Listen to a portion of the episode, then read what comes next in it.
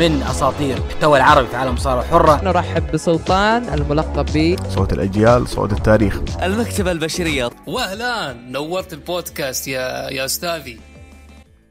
مساكم الله بكل خير. حبايبي المستمعين في حلقة جديدة ومتجددة من بودكاست ركن الحلبة وفي الحلقة رقم تسعة.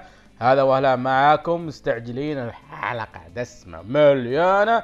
مرحبتين باريستا عبد الرحمن. يا أهلين وسهلين. مساء الخير عليك وعلى المستمعين. كيف أسبوعك؟ كيف كان؟ وضعك ما شاء الله. ولابس لي كذا أزرق فاتح سماوي ليه؟ آه للأسف. يعني كان متوقع أصلا إن نتعثر لكن ما كانت بالخسارة.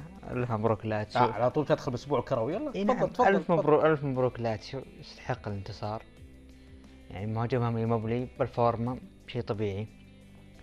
ونبارك طبعا للنادي الثالث بميلانو اللي يعتبر مقاطعة بيرغامو اللي هو تلنتا ألف مبروك أول مشاركة له بالأبطال وأول صعود لدور 16 فاز على فالنسيا 4 1 4 1 طيب عشان أنت بعدت الحين لما ندخل على قائمة آه، آه، الدوري الإيطالي أي نعم آه، الأول مين؟ يوفنتوس ليش ليش تنسى كذا؟ ليش رحت لاتسيو كذا؟ الأول مين؟ يوفنتوس. المباراة كانت من الأسبوع الماضي مسوي لي حفلة هنا أنت. مسوي حفلة. حفلة ما كنت استوى. دوري ما انتهى. وبعد التسجيل شغلت انت دحين العلم مسوي لنا مدري إيش ويلا جو عشيك وما د- والآن مين اللي متصدر؟ دوري ما انتهى. طيب مين المتصدر الآن؟ عموما آه، الأسبوع هذا صار ديربي الشمال. ديربي حايل بين الجبلين والطائي. ألف مبروك. الباج ألف مبروك نادي الجبلين. و hard luck مبروك. hard luck نادي الطائي. مبروك نادي الجبلين. وكذلك لا ننسى نعم. أنديتنا السعودية. دوري نبارك التعاون. آسيا. نبارك التعاون. وأيضا؟ التعاون تحديدا. نبارك الجميع لكن التعاون تحديدا. مع الفوز, الفوز على. الدحيل القطري مع مع إنه عنده نجوم. الحين الدحيل هو اللي كان اسمه الأخوية وكان قبل الجيش؟ لا لا هو اللي اسمه الخوية ودمج الجيش مع الدحيل. أتوقع إنه كذا. كذا وصار الحين الدحيل. إي نعم. تعاون الآن ست نقاط. هو متصدر مجموعته صح ولا لا؟ صح. والنصر متصدر من مجموعته بعد. صح. تعادل وفوز. أربع والأهلي؟ نقاط. والأهلي متصدر مجموعته؟ نعم. أكيد. والهلال متصدر. ما شاء الله. ما شاء الله. الأندية السعودية متصدرة مجموعاتها في دوري أبطال آسيا لكن لا نستعجل يعني بت... تتضح الأمور في آه، قادم الأسابيع وقادم الجولات. لكن الأكيد يا عبد الرحمن آه، نتكلم عن الدوري السعودي و لو تسمح لي بس عندي كلمة كذا كلمة سريعة. تفضل. أبتلينا في الكرة السعودية بناس أعمارها كبيرة يعني تلقاه عمره بالأربعين وهو يسمى عمر الرشد ولا بالخمسين. وت- وت- وتجد عقليته عقلية يعني أنا ما ودي أقول طفل أو مراهق إنه في أطفال مراهقين أعقل منهم.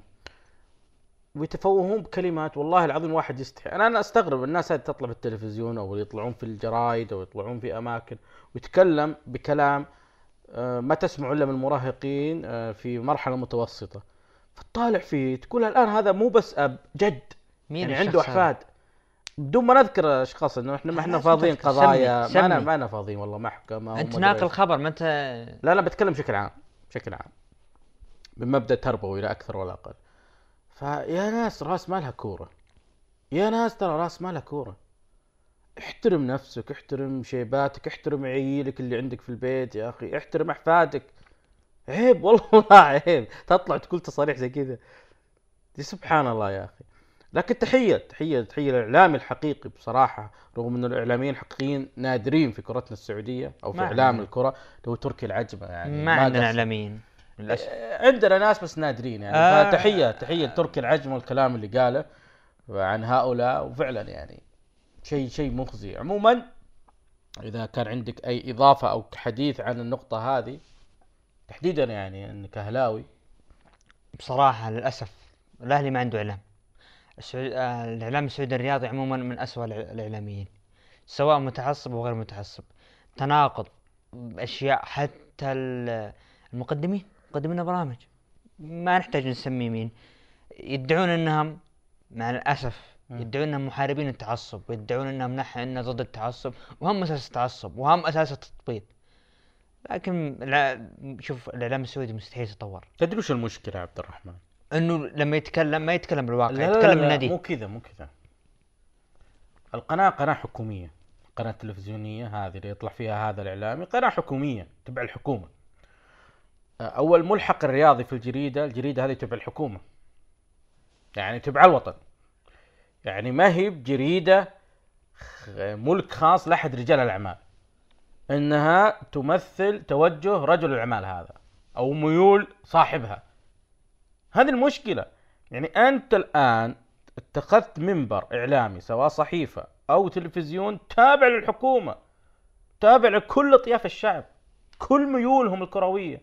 فعلى أي أساس أن تجير هذا الملحق الرياضي أو هذه القناة وهذا البرنامج على القناة الحكومية إلى مصالح ناديك أو تصفية حسابات عندك آه، داخليا متلازمة تخص نادي معين فتحاول بكل برنامج كل قناة تطلع فيها أنك تفرغ من اللي داخلك بسبة هذا النادي أو ذاك النادي. لذلك أنا هذا اللي- دائما أتكلم عنه حتى قديما كنت في المنتديات الرياضية وأيام البالتو كنت أتحدث عن هذا ما يستحون على وجيههم أنت أنت موجود في ملحق رياضي تبع جريدة حكومية مؤسسة صحفية حكومية تملكها الحكومة أو قناة تلفزيون حكومي. شيء يعني أنا أرى استفهام كبير. ويجيك أحد ثاني عشان هذا الإعلامي يمثل نادي فلاني يقول يا أخي أنتوا عندكم فلان وعندكم فلان. فلان وفلان فلان مثله أردى. ولا أيد اللي هم يسوونه. لكن بالأخير هو يمثل نفسه هذا الفلان اللي أنت تتكلم عنه. ومو هو موجود في صحيفة رسمية تبع الحكومة أو قناة تبع الحكومة. وتبي بعد شيء زيادة؟ للأسف الشديد الآن 2020 والعام الماضي 2019 ظهر أشخاص ويتحدثون هؤلاء الأشخاص بلغة لا يتحدث فيها إلا قمم التطرف في المدرجات الرياضية. وهؤلاء الأشخاص كانوا ماسكين مناصب رسمية مفصلية داخل الهيئه العامة للرياضة والاتحاد السعودي لكرة القدم قبل 15 أو 10 سنوات. الآن بان ميولهم. مو بس إنه عادي أنت تقول إن كل واحد يشجع نادي لكن إنك تجي وتسقط على نادي آخر وتحارب نادي آخر هذه مصيبة. كيف أثق فيك أنت كنت ماسك المنصب قبل 10 سنوات 15 سنة؟ لذلك الآن بدأت تقشف وبدأت بدينا نشوف بعض القضايا اللي كانت عام قبل 15 سنة 10 سنوات. بدأت الآن تكشف إنه هذا شلون صار وليش صار؟ مين نقل المباراة هذه؟ مين اللي موقف اللاعب هذا؟ مين اللي آه، عيا يقبل احتراف اللاعب الفلاني؟ شلون اللاعب هذا راح للنادي الثاني والمبلغ المقدم له أقل. الآن بدات بدات تكشف الأمور لأن هؤلاء هم اللي وراها. عموما طولنا في النقطة هذه وتمنياتنا لجميع الأندية السعودية التوفيق في دوري أبطال آسيا. وأيضا لا ننسى الاتحاد والشباب وصلوا نصف نهائي آه، البطولة العربية للأندية. مبروكين. الودية. الودية ما ودية نحترم الأندية والبطولات اللي يشاركون فيها وشيء جميل للناديين السعوديين في النصف النهائي يوصلون إلى المباراه النهائيه مبروكين. آه، مين اللي يبحث ويحتاج إلى البطولة هذه؟ الاتحاد ولا الشباب؟ الله يا الدنيا. الاتحاد صار يحتاج لبطوله ودية. أنا أقول لك أيهم يحتاج أنا ما أقول الاتحاد أو أنا أسألك مين اللي تحس إنه يحتاج. ما يعني أنا ماني مقتنع بالبطولة وحرام نشوف نادينا هذول يصلوا يعني معلش الاتحاد لما تشوف تاريخه إلى وإرثه ويصل يصل نصف النهائي وحلمه تحقيق البطولة. أنا ما يهمني مين البطل. ماشي. ما أنا أنت تبي تسقط على الاتحاد. أوكي يا أهلاوي. أنا أسألك هذه البطولة من اللي يحتاجها عشان يهدي الأمور عنده في النادي الاتحاد أو الشباب؟ اقرب مع الاتحاد. مع الاتحاد قبل موسمين جاب كأس الملك. وهل هد وهذا هد من المشاكل يعني كأس الملك صح إنها بطولة غاليه تحمل اسم غالي على الجميع لكن هذه تحسب بطولة خارجية. ما هي ودية؟ من يقول ودية؟ نعم ودية. عرف لك نادي حسبهم بطولات الرسمية. كأس الخليج المنتخبات كأس أندية الخليج كأس العرب المنتخبات كأس أندية العرب هذه كلها بطولات ودية غير معترفة طيب عند الفيفا. وش البطولات اللي معترف فيها الخارجية؟ الب- عند حدد لي القارة قارة آسيا؟ إيه تتكلم عن أكيد إحنا وين؟ موجودين. دوري دوري أبطال آسيا كأس الاتحاد الآسيوي. آه الاهلي قد حققها؟ للأسف الشديد لا. مثل ما النصر ما حقق دوري أبطال آسيا الاهلي الحمد لله حققنا بطولة آسيوية بطولتين آسيوية. غيري ما قدر يحقق عموما ربع لا بطولة. خلينا نخش في الأخبار. عندنا ال...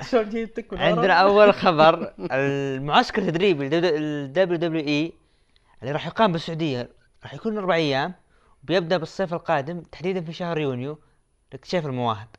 وطبعا أعلن إنه بعد الخبر بكم يوم إنه بالرياض. بالرياض نعم. الزملاء في WWE مين اعلنوا رسمي إنه راح يقام في الرياض في شهر يونيو. آه، طبعا يا عبد الرحمن هذا يعطيك مؤشر. الناس أنا أستغرب لما WWE أعلنت إنه وقعنا عقد مع الهيئة العامة للترفيه. هم وقعوا عقد إلى 2027 هم العقد اللي كان مع WWE مع هيئة الرياضة انتقل من إلى هيئة الترفيه. يعني هم وقعوا مع هيئة الرياضة WWE صح؟ عام 2018 صح. مدة 10 سنوات صح؟ متى تنتهي؟ 2028 20 27 مو 28 احسب 18 19 اي. التواريخ ناقصة. إيه مو ناقصة. عش- 18 19 20 21 22 23 24 25 26 27 هي 10 سنوات. انتقلت الملكية إلى هيئة الترفيه. بس. هذا اللي صاير. تمام. آه الناس تكلموا إنه يكون في ثلاث عروض. واتضح الان ما في إلا ال Super ShowDown Crown Jewel. آه بيكون في عندك أيضا في الرياض معسكر تدريبي. ما راح يكون شيء بجدة. خلاص WW بتكنسل على جدة؟ لا موجودة. العرض الأخير كان بجدة. لا آه لا Crown, مو الأخير اللي قبل الأخير. Crown Jewel وين كان؟ بالرياض. الاخير آه ال Super ShowDown وين بيقام الأسبوع الجاي؟ لا خلينا نرجع اللي قبل. اترك اللي قبل أنا أسألك Crown Jewel وين كان؟ بالرياض. بالرياض تبع هيئة الترفيه. ال Super ShowDown لو آخر أول عرض تبع هيئة الترفيه وين يقيم؟ في الرياض. تمام. اللي هو Crown Jewel Super ShowDown بالرياض. المعسكر التدريبي. بالرياض. شكرا. فهذا يعطيك مؤشر. ممكن يعني نشوف. أنا أنا أشوف أنا اللي اللي أتوقعه والسبب في ذلك لأنه صار تبع هيئة الترفيه لذلك آه، العروض WW ستقام في القاعات اللي تملكها هيئة الترفيه. هذا اللي أنا أتوقعه يعني للدليل أنه اقاموا في مسرح محمد عبده في الرياض. ما اقاموا لا في حلبة الدرعية ولا بسد الملك فهد اللي أصلا الآن لحتى الآن يعني يقدرون يقومون فيه لأنه ما سلم للأندية. حتى أن أستاذنا الرائع الجميل رجل الله السلمي أعلن أنه أستاذ آه، فيصل بن فهد بيكون تبع نادي النصر. وانه الشباب يلعبون ملعبهم ف بالنادي. فواضح إنه أستاذ الملك فهد خلاص يعني فممكن ممكن تأخذ هيئة الترفيه لا أعلم. عموما آه قبل ما نروح للخبر اللي بعده مم. لو قالوا لك الدوري تعال عندنا وخش معنا. وقت الأغنية تبغاها إيش؟ هذا؟ أي نعم. دخول. أغنية الدخول إذا تبي تكون شوف ما هي MVP أكيد إنها خايسة لكن ممكن أختار فامبيرو حق ال WCW صراحة أنا أخاف أقول وتصير فيها إشكالية. كريس بنوا لا والله جميلة. سكت عني بس هذا الخبر اللي بعده. سفاح مجرم ذبح عائلته وجلس مع جثثه 24 ساعة تروح تحط أغنيته. عاشر بريت هارت. ما هي غريبة. المهم. بس ما عاشر بريت هارت ما دخل بريت هارت.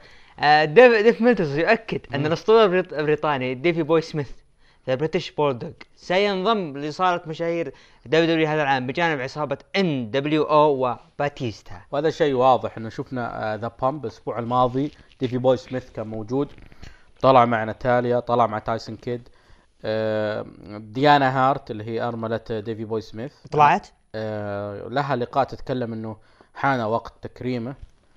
آه، آه، تقصد مين؟ ديانا هارت اللي هي أخت آه، بريت هارت. هي زوجة ديفي بوي سميث آه، أنا أحس بزوجة أون هارت. قلت هذيك مارثا دكتورة مارثا. قلت أنا صحت. وعلى طاريها مارثا. آه ترى هذا معناه إنه بيكرم لوحده. يعني أون هارت راح يكرم لوحده. أون هارت راح يكرم لوحده. لكن لا أعلم لي- ليش بيكرم لوحده. آه ديفي بوي سميث لكن هذا بيعطيك مؤشر إنه ممكن المرة الجاية راح يكرمون كل ال Hart Foundation يعني. براين بيلمان اون هارت آه جيم نيد هارت بريت هارت ويصير معه ثلاث خواتم. لا. هذا لا لا. تكرم بيبي ولا تكرمهم من ثلاث لا مرات؟ حول الله. وش الحسد؟ ذا ثلاث خواتم بريت هارت أول واحد. ما هي حلا هي كل شوي يكرم ما عندهم أحد. هذا تاريخه مسيرته. ما حد قدر يجيب ربع المسيرة هذه. تاريخ حافل بريت هارت. لا هارد فاونديشن تاريخ. بريت هارد كرم كريس بنوا مجرم سفاح. عموما آه، يستاهل ديفي بوي سميث واحد أساطير آه، عالم المصارعة البريطانية ولا ينسى SummerSlam 92 الله يفوز. على بريت. SummerSlam 92 داخل استاد ويمبلي بحضور أكثر من 80 ألف آه، متفرج. يوم يدك خشم بريت. إيه لا كان تثبيت سريع خاطف. عموما تم. أسطورة UFC. تيتو أورتيز كان متواجد طوال الأسبوع الماضي في مركز WWE التدريبي. حسب كلام ديف ملتزر داري كم عمره؟ كم؟ 48 أو 47 إيش فيها بجاب حق اليو إف سي دبليو إي؟ شطار وكلهم كبار. يعني كين آه، فلاسكز الحين أنت اقتنعت به لما جاء لدب دبليو. حس... حسيت بو شيء مختلف؟ لا واللي يثبت ذلك إنه بعد وقته الآن جالس يتدرب ممكن نشوفه بعد فترة بشكل غ- ثاني من ناحية أحس إنه جسمه. دب دبليو ما اقتنعت أصلا بكين فلاسكز بعد تيتو أورتيز أو أوكي. تيتو أورتيز كان له مشاركة بالتي إن اي كين عنده شارك شارك ب Triple A Triple A بس قريب. تيتو تي أورتيز قديم. أيام عزة طلع في ال TNA وأيضا آه على ما كنت واهم عنده نزال مع البرتو الباترون ألبرتو دلريو. عنده نزال جاي معاه. ف والبرتو الباترون أو ألبرتو دلريو وده يرجع WW فأحس إنه WW بتكثر ال Latino لاتينيين تبيهم ما عندها. ضاعت والله هي تحاول تحاول آه تحاول. عندك أنجل غارزا عندك آه كاريو أمبرتو كاريو عندك آه أندرادي عندك آه ري ميستيريو آه كاليستو والمجموعة اللي معاه Lucha House Party. فواضح إنه WW تريد تكثيف. عندك أيضا عندك راؤول مندوزا في NXT 205 Live. ف WW شغال ان تبي هؤلاء المواهب اللاتيني إنه السوق ضخم لاتيني. ليش ما يجيبون لاتينيات؟ آه مين؟ آه، في ثنتين عندك في NXT. نروح للخبر اللي بعد الشيمس وعبر برنامج WWE The Bump عبد الرحمن هنا قاعد ياكل مع دحيم العلي ولا كأن إحنا في استديو عندنا تسجيل. فقاعد أقرأ الخبر أنا. شيمس عبر برنامج The Bump يعلن رسميا ال Bump حقه إنه سيحقق لقب القارات. الجول حق شيمس لقب القارات. تحدثنا فيها أنا وعبد الرحمن الأسابيع الماضية وقلنا إنه وأعتقد عبد الرحمن اللي قال إنه أتوقع إنه هدف شيمس القادم لقب القارات وأنا قلت إنه نزلوه level تحت. لكن أنا قعدت أفكر به شيمس ك heel وتدخله بعداوة مع براون سترومان على لقب القارات. حلوة. تلفت انتباه بصراحة يعني. تحديدا ال segment اللي بيصير بينهم والشيمس بينضم أكيد لعصابة سامي زين بحكم علاقته مع سيزارو. ما ومع مكررة. مكررة اللي هي آه League of شو اسمه؟ League of Nations إيه. هي عصبة الأمم. فصح ممكن تصير مكررة. لكن أنا أحس إنه علشان أنا ليش أقول كذا؟ إنه بعد ال Mania أبغى أشوف شيمس سيزارو بعداوة على اللقب هذا. تحديدا سي- سيزارو ك face فممكن تصير ممكن لا نشوف. عبد الرحمن للحين ياكل. طبعا ال WWE وبعد نهاية عرض NXT TakeOver Portland بثوا أولى حلقات من البرنامج الجديد اللي يتخصص عن عصر Ruthless Aggression وكان الحلقة الأولى خرافية. أنا شفتها وعجبت فيها وأيضا في حلقتين نزلت بعدها. الحلقة الأولى عبد الرحمن تكلمت عن الفترة ما بين ربيع 2001 وصيف 2002 يعني أنا اللي شفته إنه تكلموا ما بعد حرب ليلة الاثنين مع ال WWE اشترى ال WCW بعدين حطوا آه، سيناريو التحالف دب سي دبليو اي سي دبليو على WWE. بعدين تكلموا إنه WWE بعدها وقالت okay لازم نبحث عن مواهب جديدة الناس تبي fresh تبي دماء جديدة. لكن أثناء عملية البحث هذه اضطروا WWE إنه لين نلقى النجوم ونصنع نجوم لازم نستغل نجوم WCW. وكانت مشكلة إنه نجوم WCW الكبار تكلم عن ستينج عن جولدبرغ عن ريك فلير عن كل الان دبليو أو كلهم موجودين بع- بعقود مع AOL Time Warner ما هو تبع WCW عقودهم. لذلك لما دبليو دبليو اشترت دبليو سي دبليو ما تقدر تشتري هؤلاء لأن هذولاء عقودهم مع AOL لازم أنت تشتريهم لوحدهم عقودهم ثقيلة مرة. فاشترتهم WWE بعدين. ف أيضا تكلموا بالحلقة الأولى أنه The Rock بدأ يطلع لهوليوود وقتها فيلمه اللي نجح Scorpion King الملك العقرب. وأذكره والله العظيم بالصيف 2002 أعتقد كنت في جدة. كنت في جدة لما آه، طلع ال- ال- الفيلم. أيضا تحدثوا عن اللي صار من ستيف أوستن لما نفس عليهم. قالوا له تلعب مع بروك ليزنر في كاس كاس بطولة ملك الحلبة. قال أنا أوستن. أنا وهذا اللي اسمه ليزنر مباراة تصفيات عابرة بعرض المعاصي. اي سبب رحيله ما هي الاصابه؟ لا لا لا قبل. هذه طف قشه وراح لما طلع فينس مكمان بالعرض Raw نفسه تكلم عن أوستن. قال إنه هج. طلع بنفس العرض The Rock وجلد أوستن. في برومو ما أنساه. وكان في حاجات حلوة جدا. الحلقة الثانية كانت عن جون سينا. بداية جون سينا والبرومو الشهير حق Aggression. فينس مكمان ضربة ال Aggression حلوة البرامج هذه حلوة. تبغى نسوي بودكاستات عن الروثس اجريشن في في مشاريع قديمة أنا موعد فينا متابعين وللأسف ما وفقت. مؤيد أنا الفكرة ما عندي أي مشكلة. بنشوف عاد كيف الجدول. دعيم العلي يقول فكنا. آه أوه. والله يعين عاد دحيم العلي الأسبوع الجاي. إيش عندنا الأسبوع الجاي؟ عندنا خبر. ما هو بخبر. مو خبر. عندنا أسبوع استثنائي. أسبوع دسم. دسم مليان استثنائي. تابعونا بتويتر وتابعونا بكل المنصات الاجتماعية لأنه بيكون أسبوع مليان مليان مليان الأسبوع الجاي إن شاء الله. آه الخبر التالي يا عبد الرحمن هو عن آه فضيحة. آه ما شوف كل مجال بكل مكان فيه الصالح وفيها الطالح. آه ما في أي شيء كامل كامل الله سبحانه وتعالى. آه إحنا بشر. بس إنه دائما أنا كنت أقول إنه أه، الشخص اللي يعيش ويتصرف في حياته الخاصة خارج الحلبات ما اللي بشغل فيه. أنا ما اللي بشغل فيه. مصارع ملاكم مقاتل لاعب كرة فنان ممثل تحيم العلي ما علي منهم. سوي اللي يسويه بحياته الخاصة ما يدخل فيه. لكن لما تصير آه فضيحة زي هذه وأحد الأساطير المعروفين و... اللي هو رجل المليون تد بياسي القصة هي إنه آه، تد بياسي عنده ولدين.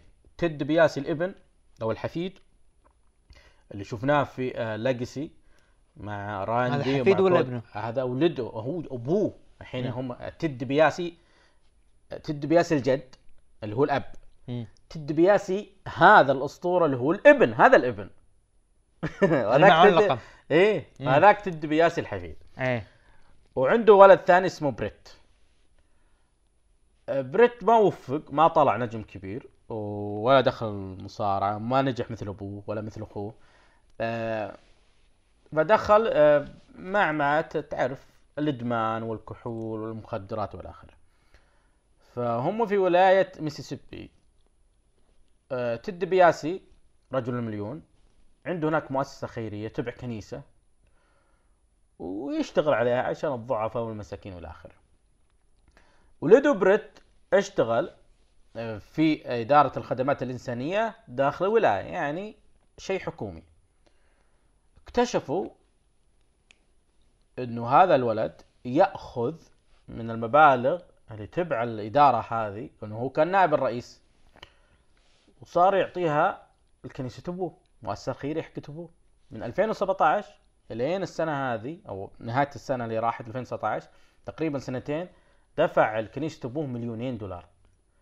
غير إنه كلف إنه يعطي دروس ومحاضرات لمكافحة المخدرات لطلبة المدارس. استغفر الله يا رب. أخذهن وراح عالج فيها نفسه. أنا بالنسبة لي أرى إنه قد تكون درس إنه لا آه لا ننخدع في المظاهر آه وهناك كثيرون يستغلون الدين لأجل النصب على الآخرين وكسب المال. إذا عندك أي تعليق عن هذا الخبر؟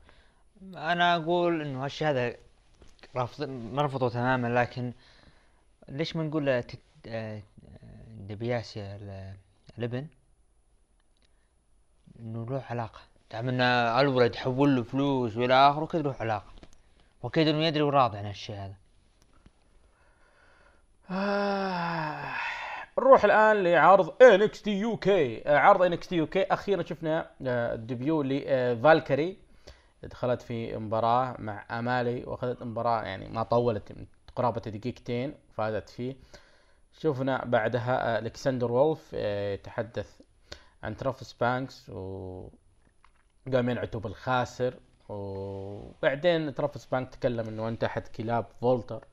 بعد شفنا مباراة آه، بين آه، ديف ماستيف وهاكسلي مباراة أيضا ما طولت وانتهت بشكل جدا سريع لديف ماستيف.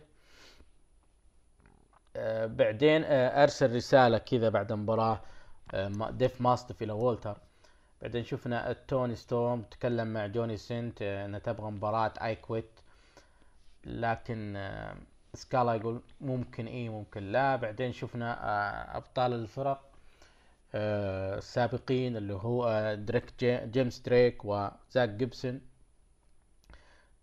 يعني يتكلمون عن يبغون فرص يعني يبغون فرص على اللقب. وراح نأجل الحديث عن النقطة هذه لين نجي عرض NXT لأن صار في حاجة لهم بعد اثنين.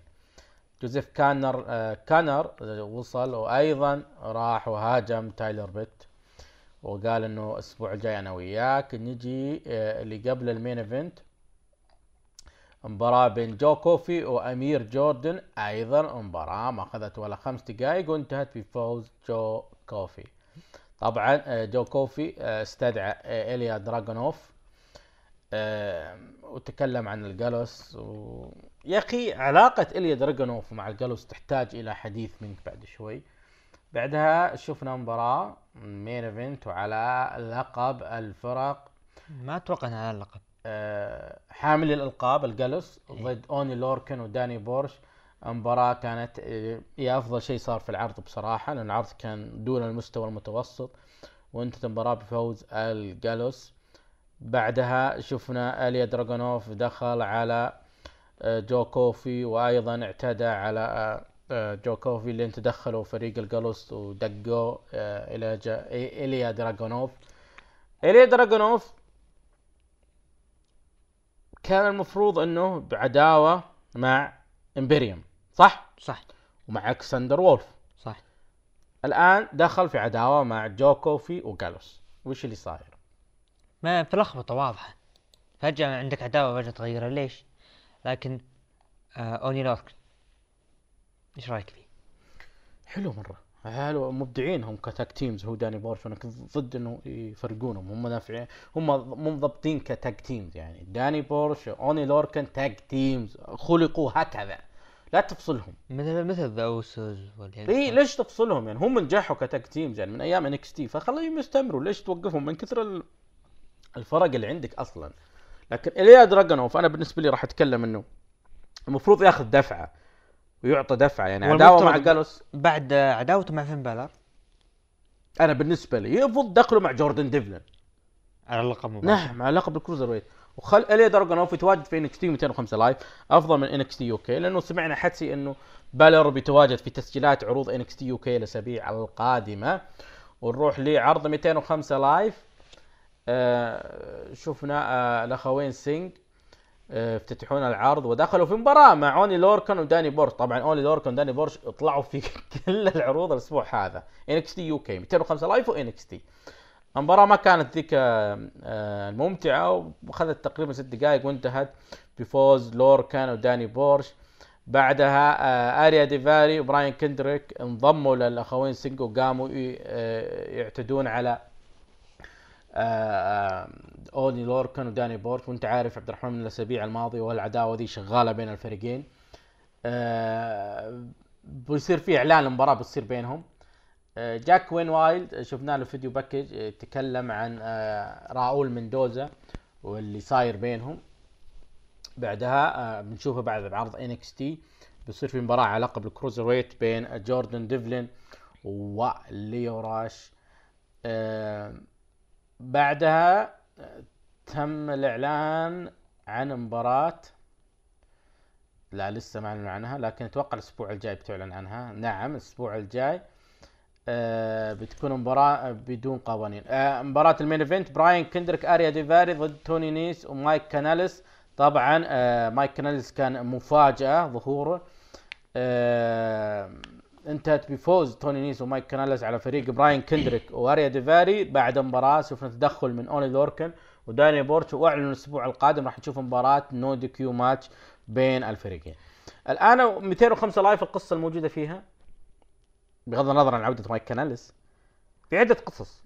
عندك آه، آه، الأخوين سينج جايين يطقطقون يضحكون. هذه قصة رقم واحد. قصة رقم اثنين عداوة باردة بعيدة بين جواكين وايلد اللي هو DJ Z وراول مندوزا. وعندك العداوة بين الفريقين أريا ديفاري وبراين كندريك ضد أوني أوني, أوني لوركن وداني بورش. أوني لوركن وداني بورش طلعوا في NXT UK وطلعوا الآن في 205 Live عندهم عداوة رئيسية main eventer في هذا العرض. وعندهم أيضا ظهور في عرض NXT. هل هذا استهلاك ولا عادي أنتم تقبلهم وتشوفهم بثلاث عروض؟ اللي يثبت انه هذا استهلاك؟ أسبوعين راح تحدوا ال- الجالوز ما خاب ظني ب NXT UK ولعبوا مباراة. مم. هو الحين عندهم عداوة وطلعوا ب NXT. يعني والله برشانين فيها. خايفين يفصلونهم ويندمون. قالوا لا خلينا نستهلكهم. أنا بالنسبة لي ممكن يبون عرض 205 Live عرض ثانوي ل NXT و NXT okay لا أعلم. لكن أنا أرى إنه هؤلاء النجوم اللي هنا أنت منين جايبهم؟ جايبهم من NXT. جايبهم من NXT UK صح ولا لا؟ صح. خلاص ما في ذيك العداوة. واللقب أعطيته واحد من نجوم NXT فأنا أقول وقف العرض. للأسف. اضف لقب الآن ثبت معلش لا، لا،. ثبت لقب ال cruiserweight اللي هو خلي لقب ال cruiserweight NXT هذا تبع NXT و NXT UK يتنقل بينهن معي؟ والغي 205 Live. لأن أخوين سينج تشوفهم في عرض رو صح ولا لا؟ صح. براين كندريك أري ديفاري ما راح ما شفناهم بأي عرض ثاني. اوني لوركن داني بور شفناهم في NXT UK و NXT؟ يعني هم ثلاثة ترى بالكثير اللي ما نشوفهم إلا في عرض 205 Live عرض NXT okay مدته 45 دقيقة. تقريبا ساعة. ساعة. تقريبا. المفترض إنه يعني ثبت لقب NXT Cruiserweight Champion ثبته على ال NXT. تمام؟ إذا أنت بتفصل مم. وأضف لقب جديد اللي هو لقب WWE European Champion أضفوا NXT okay. وابد افصل وانهى ال- القسم هذا وانقلها من نص هنا لنص هنا انت راح تستفيد بالنهاية. راح تعبي وقت ب NXT okay على طاري تعبي وقت حلقة MLW Fusion كانت قصيرة هذا الأسبوع وكانت بعنوان انها الحلقة برعاية فريق وعصابة اي Dynasty الأجواء كانت Dynasty الفيديو الافتتاحي موسيقى Dynasty حتى تقديم المصارعين بأسلوب ال Dynasty كانوا يطقطقون على أسماء المصارعين كانوا يطقطقون على أشكال المصارعين. يكتبون السكريبت يكتبون النص لطاولة التعليق وهم اللي ينادون المصارعين على حسب المكتوب لهم. آه عموما آه بدينا بالعرض بمباراة جينو ميدينا ضد س- آه، دراغون مباراة جينو عاد آه، ميدينا آه هو من آه، عصابة Dynasty اللي قلب على كونان قبل كم أسبوع. المباراة أخذت تقريبا سبع دقائق بعدها آه، Dynasty دخلوا وهذا بيتكرر معنا وشلعوا قناع دراغون. طبعا كو- كونان دخل وحاول إنه ينقذ الموقف. آه بعدها آه شفنا آه طقطقة ثانية على الفون إيريكس و video package عنها. ال Dynasty أيضا آه قاموا بطرد ما هم العرض لهم قاموا بطرد مين؟ مانس وارنر اللي هو فاز على جيمي هافوك قبل كم أسبوع وما ندري صاير على جيمي هافوك شفت اليوم صورة طالعة مع ريفن فما ادري وش فيه مختفي الأسابيع الماضية. ف أنا حتى الآن حلو الشغل حقهم حلو. بعدها شفنا مباراة على اللقب الوطني آه الكسندر هامرستون ضد ايرو ستار ايرو ستار أيضا جاي من Triple A نجم مكسيكي.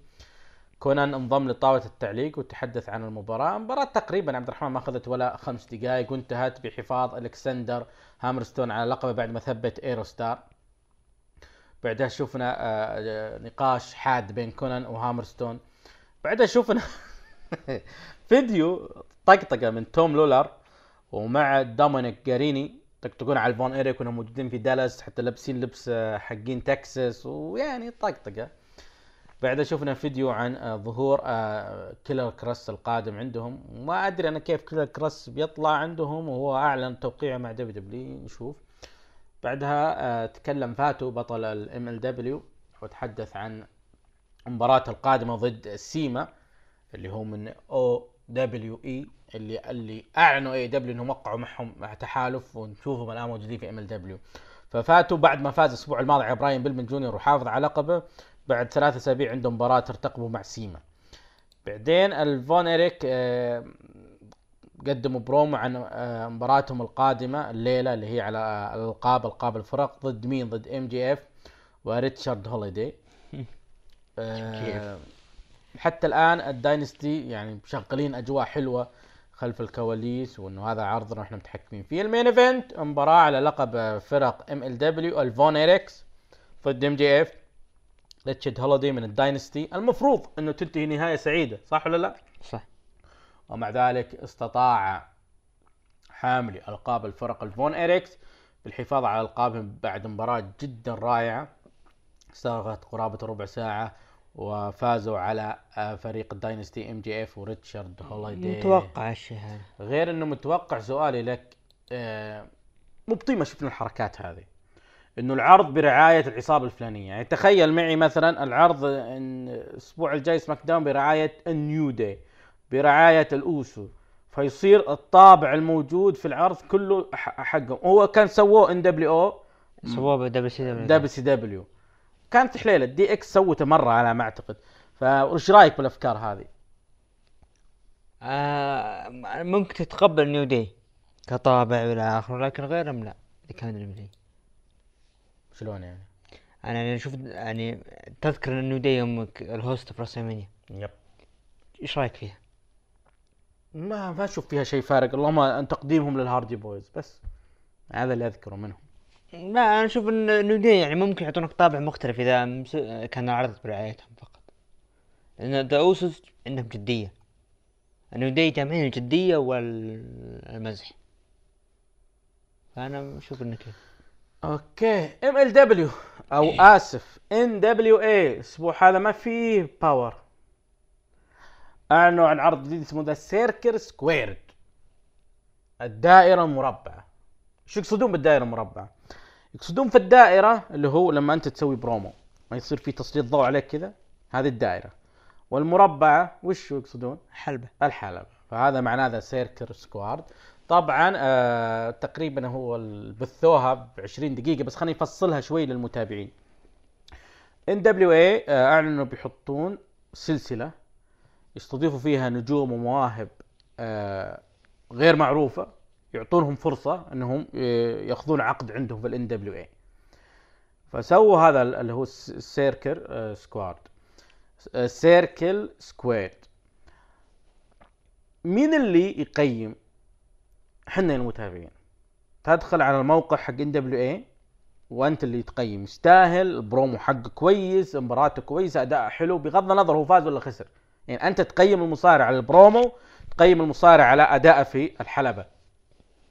هذه نقطة. النقطة الثانية تجي أنت تسجل أنت كمتابع تسجل ردة فعلك على العرض ردة فعلك على أداء المصارعين وترسل NWA جمعوها ردات الفعل جت أربع ساعات. نشروها عندهم في قناتهم على اليوتيوب. ردة فعل الجماهير هم يشوفون على أداء المصارعين ويتكلمون عنه ويتناقشون اختاروا بعض المصارعين بعض المتابعين اللي اللي مثل ما تقول المتابعين الوفيين لل NWA يعني تستخدم الأسلوب هذا. آه، طبعا آه، بيلي كورجن هو اللي افتتح العرض أو افتتح هذا الح- الحلقة الأولى. ومعه آه، شون موني معروف شون موني كان أحد مذيعين المخضرمين في WWE ما في إلا مباراة واحدة اللي هي الهوكس اللي هو PJ ولوك.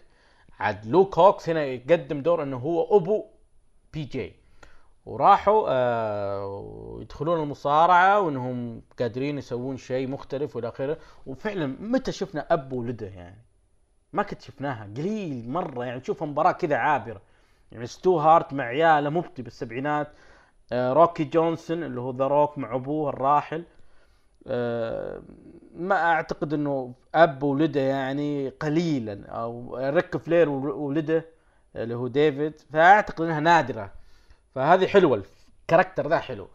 طبعا قدموا آه برومو رائع مع آه بالعرض لكن المباراة خذوها ضد مين؟ فريق جابهم الأسطورة نيكيتا كولوف اللي هو جيف لويس وتاي سندن آه، خاضوا مباراة مباراة كانت تقريبا ثلاث دقائق وانتهت بفوز آه، الهوكس اللي هو لوك و PJ الحين بسألك عنه.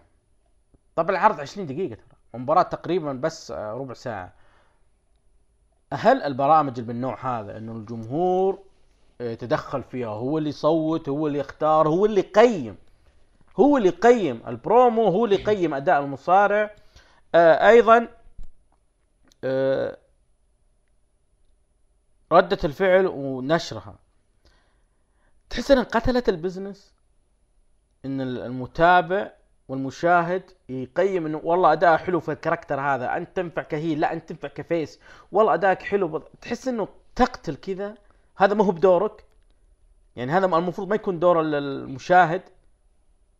رغم إحنا نسويه بس إحنا نحلل.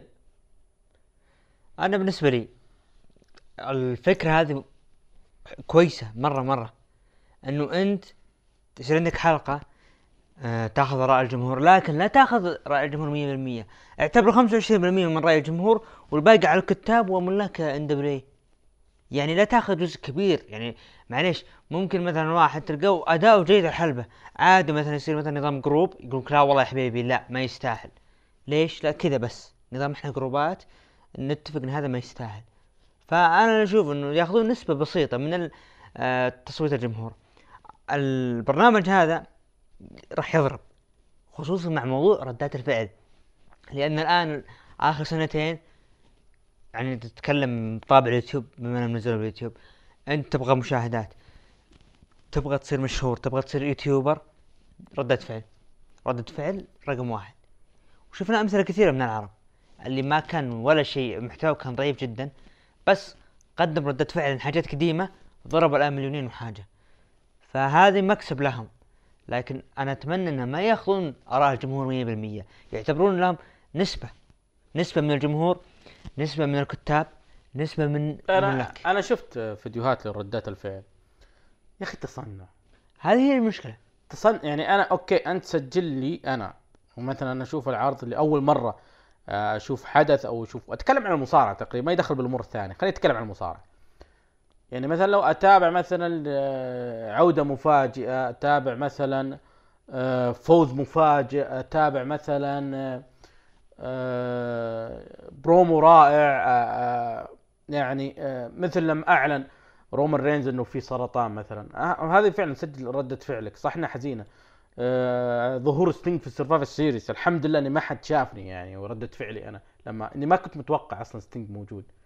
ما كنت متوقع ولا في أي رابط بين آه، آه، السلطة ودولف زيجلر وجون سينا وسيث رولن ما في أي رابط ما في أي رابط كيف يطلع هنا فسبحان الله يعني في بعض الحاجات فعلا تكون هو الم... عشان كذا أنا أقصد إنه ردة الفعل أنا بالنسبة لي يعني أنا صعب يعني الواحد يخدعني بردة فعله يعني. شوف أبو نواف. أدري إنه صانع أدري إنه يكفي شوف أبو نواف شئنا ما بينه موضوع ردة الفعل وتحديدا باليوتيوب تراها ناجحة سواء تصنع أو ردة فعل شوف عبد الرحمن. حقيقية. أنا طبعا أنا أنا م- أنا أنا 70% 70 أربع سنين أمنتج أوكي؟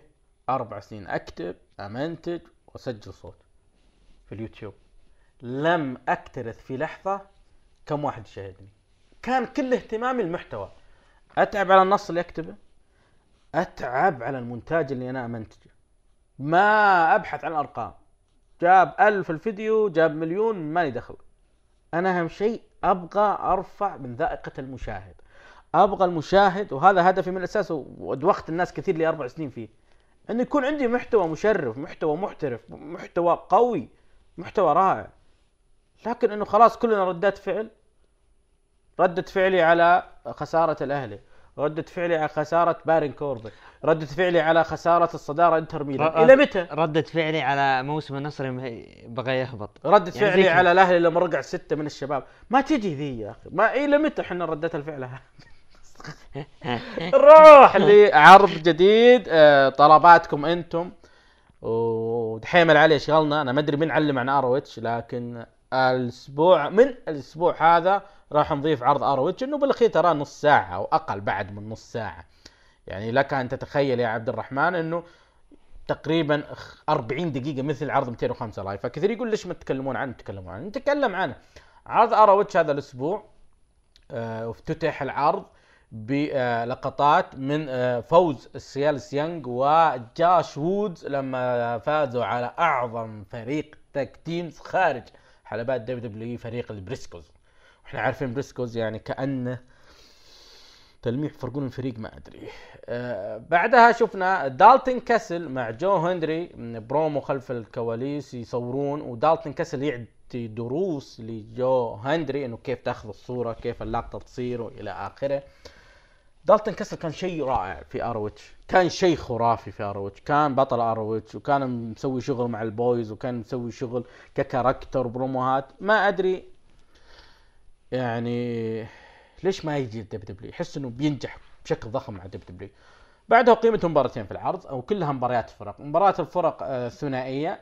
فريق Lifeblood اللي هو تريسي ويليامز ومارك هاسكنز آه، خاضوا نزال ضد فينسنت وبايتمان وانتهت المباراة بفوز آه، ال Lifeblood بعدها أقيمت مباراة آه، واجد ناس واجد اللي هم أربعة ضد أربعة.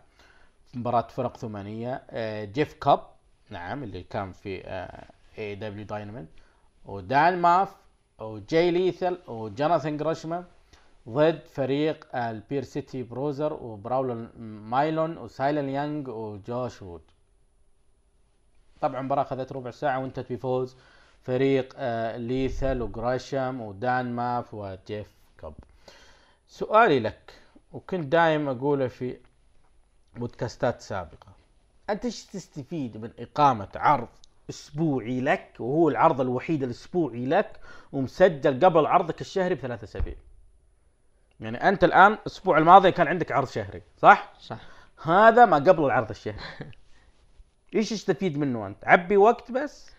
والله حرام لما تشوف ROH إرثهم وتاريخهم وكذا يصير والله تستغرب. والآن يروح المايك إلى عبد الرحمن. عندنا اليوم عرض الأزرق. عرض الأزرق. وين الشاي؟ عطنا الشاي. هذا الشيء عرض الأزرق. عرض عرض بارون كوربن الروعة بارون كر- الملك. الحين انت تشجع إنتر ميلان وسماك داون و ليش ما تشجعت الهلال؟ ليش شجعت الأهلي؟ أنا؟ عشان الأزرق يعني. آه ترى كنت هلالي سابق.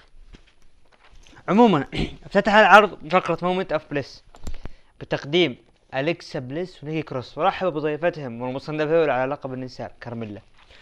تحدثت كارميلا ان أنا اليوم راح أصدم الجميع بفوزي وراح أصير البطلة مرة ثانية. لكن ردت عليها بليس قالت إنه انت و... وانت وبيلي كنتن علاقة علاقة صداقة وهذه الصور خير مثال والى اخره. وش اللي صار؟ قالت إنه أساسا اللي خرب بيلي ساشا. لكن دقت موسيقى بيلي وقالت بيلي ان أساسا هزمت بليس وكروس ب handicap. وراح بيفوز عليه كارميلا قالت كارميلا يلا امشي. الحلبة الحين. نشوف من يفوز. مم. بدأت مباراة كارميلا وبيلي على لقب سماك داون وانتهت خلال 14 دقيقة. وبعد آه بفوز آه بيلي. بعد المباراة هجمت بيلي على كارميلا لكن دقت موسيقى نايومي وساعدتها. وتكملة هذا للمباراة خلف الكواليس خلف الكواليس شفنا تشارلي كاروسا قابلت بيلي وقالت إنه يعني أنت فزت بالحيلة. بيلي رد قالت شلون؟ فزت وأنا الحكم عد وأنهى مباراة لي. وأكدت إنه أنا تراني جاهزة. بأي عرض يجي تلعبون Super ShowDown جيبوا لي الخصم اللي يبيه أنا مستعد. له هذا رأيك. أول شيء وش هالشعر ذا يا نايومي؟ يعني يعني على التسريحه ذي يا نايومي كيف بتصارعين على الحلبة؟ No Way Jose. أنت. والله تقول هو خزيه بس تعال متى كانت كارميلا وبيلي صديقات؟ ما أذكر. لا لا خلف الكواليس. انت خلف الكواليس. أنا أنا كمتابع ومشاهد وش علي من اللي يصير خلف الكواليس؟ تبغى خارج WWE ولا أنا داخل؟ أتكلم هل داخل؟ لا ما لهم علاقة. ليش تقول هذه؟ هذا هذا هذا اللي ما احبه أنا من بعض الحركات ال WWE إنه ترى إحنا صديقات يا أرجوكم يعني بالواقع نعم لكن لا إحنا نبغى شيء واضح. آه، هذا هو المشكلة يقول بالواقع صديقات صح؟ والان والآن اختلفن. وهم بالواقع ما اختلفن. يعني بالأخير يعني ليش تربط حاجة حقيقية مع وتروح تستثمرها بشيء تمثيلي؟ عموما آه، هم أعلنوا صح؟ عن مباراتهم اللي عندنا بعرض الرياض. لا في في ال- ال- آه راح نجيها هي المباراة اللي راح تصير وش اللي بين إيه وكارميلا الأسبوع الجاي. اجلها هذه عشان نربطها كلها اي مع بعض. ان هي تصير الأسبوع الجاي. الأسبوع طبعا الجاي قبل قبل كارميلا جت برومو ترد على مم. شو اسمه على بيلي مع بعض؟ خلينا نفتك منها. ترد على برومو تقول إنه يعني يا فوكس ودبليو دبليو حددوا الوقت والزمان إني أنا أستحق مباراة إعادة. مم. آه ونفس الكلام نايومي إن كانت أنا مستعدة. آه، سؤالي لك بخصوص هذه الفقرة. مم.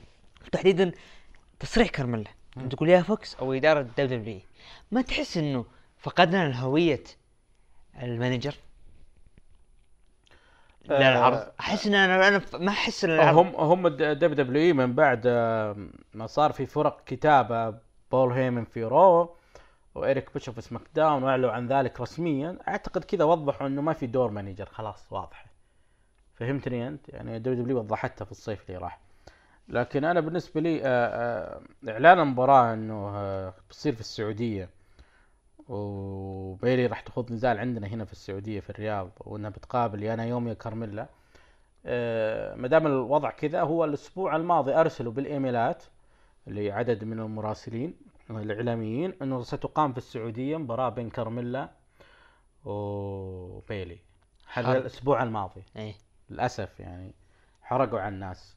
أنا سكت ما قلت ما أبغى أقولها لين نتأكد إنه آه، أعلنوا إنه العرض ان المباراة بتكون في عرض سماك داون الجاي اللي هو اللي راح ذا. إيه. فقلت okay. الآن رجعوا مرة ثانية حطوا مباراة بتصير نايومي كارميلا. الفائزة بتروح آه، تقابل بيلي في السعودية.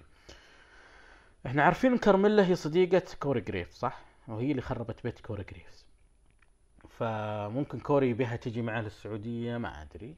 لكن إن فازت على نايومي كارميلا وراحت وقابلت بيلي راح تفوز. فهم حصل حرقينها already لما ارسلوها بالإيميلات. هذا اثنين. النقطة الأخيرة الثالثة. أنا بالنسبة لي كارميلا لا تستحق هذه الفرصة. أه لا أراها جد جديرة أنها تأخذ ت- ترجع مرة ثانية تنافس على اللقب. هي أصلا لا تستحق أن تنافس على اللقب وفوزها في الحقيبة أيضا مجاملة. وم- وفي نقاط أنا ما أبغى أني أوجع روس مستمعينا الكرام لكن إذا نتكلم عن الواو خلف كواليس WWE فحدث ولا حرج. وأصدق أصدق مثال على الواو اللي بنشوفهم الأسبوع الجاي في فقرة Moment of Bliss اللي بيجي لنا الثنتين التوأم. هذا أصدق مثال قدامك عن الواو اللي بعده. آه طبعا الناس نقول على أغنيتهم. you can look you can't تكفى. touch. لا يوقفون بودكاستنا. والله لا، وحشين. لا لا يوقفون لا عموماً. لا لا لا عموما ما تحس إنه فاقدين ال manager؟ لو قالوا لك ترجع ال manager ترجعه ولا لا؟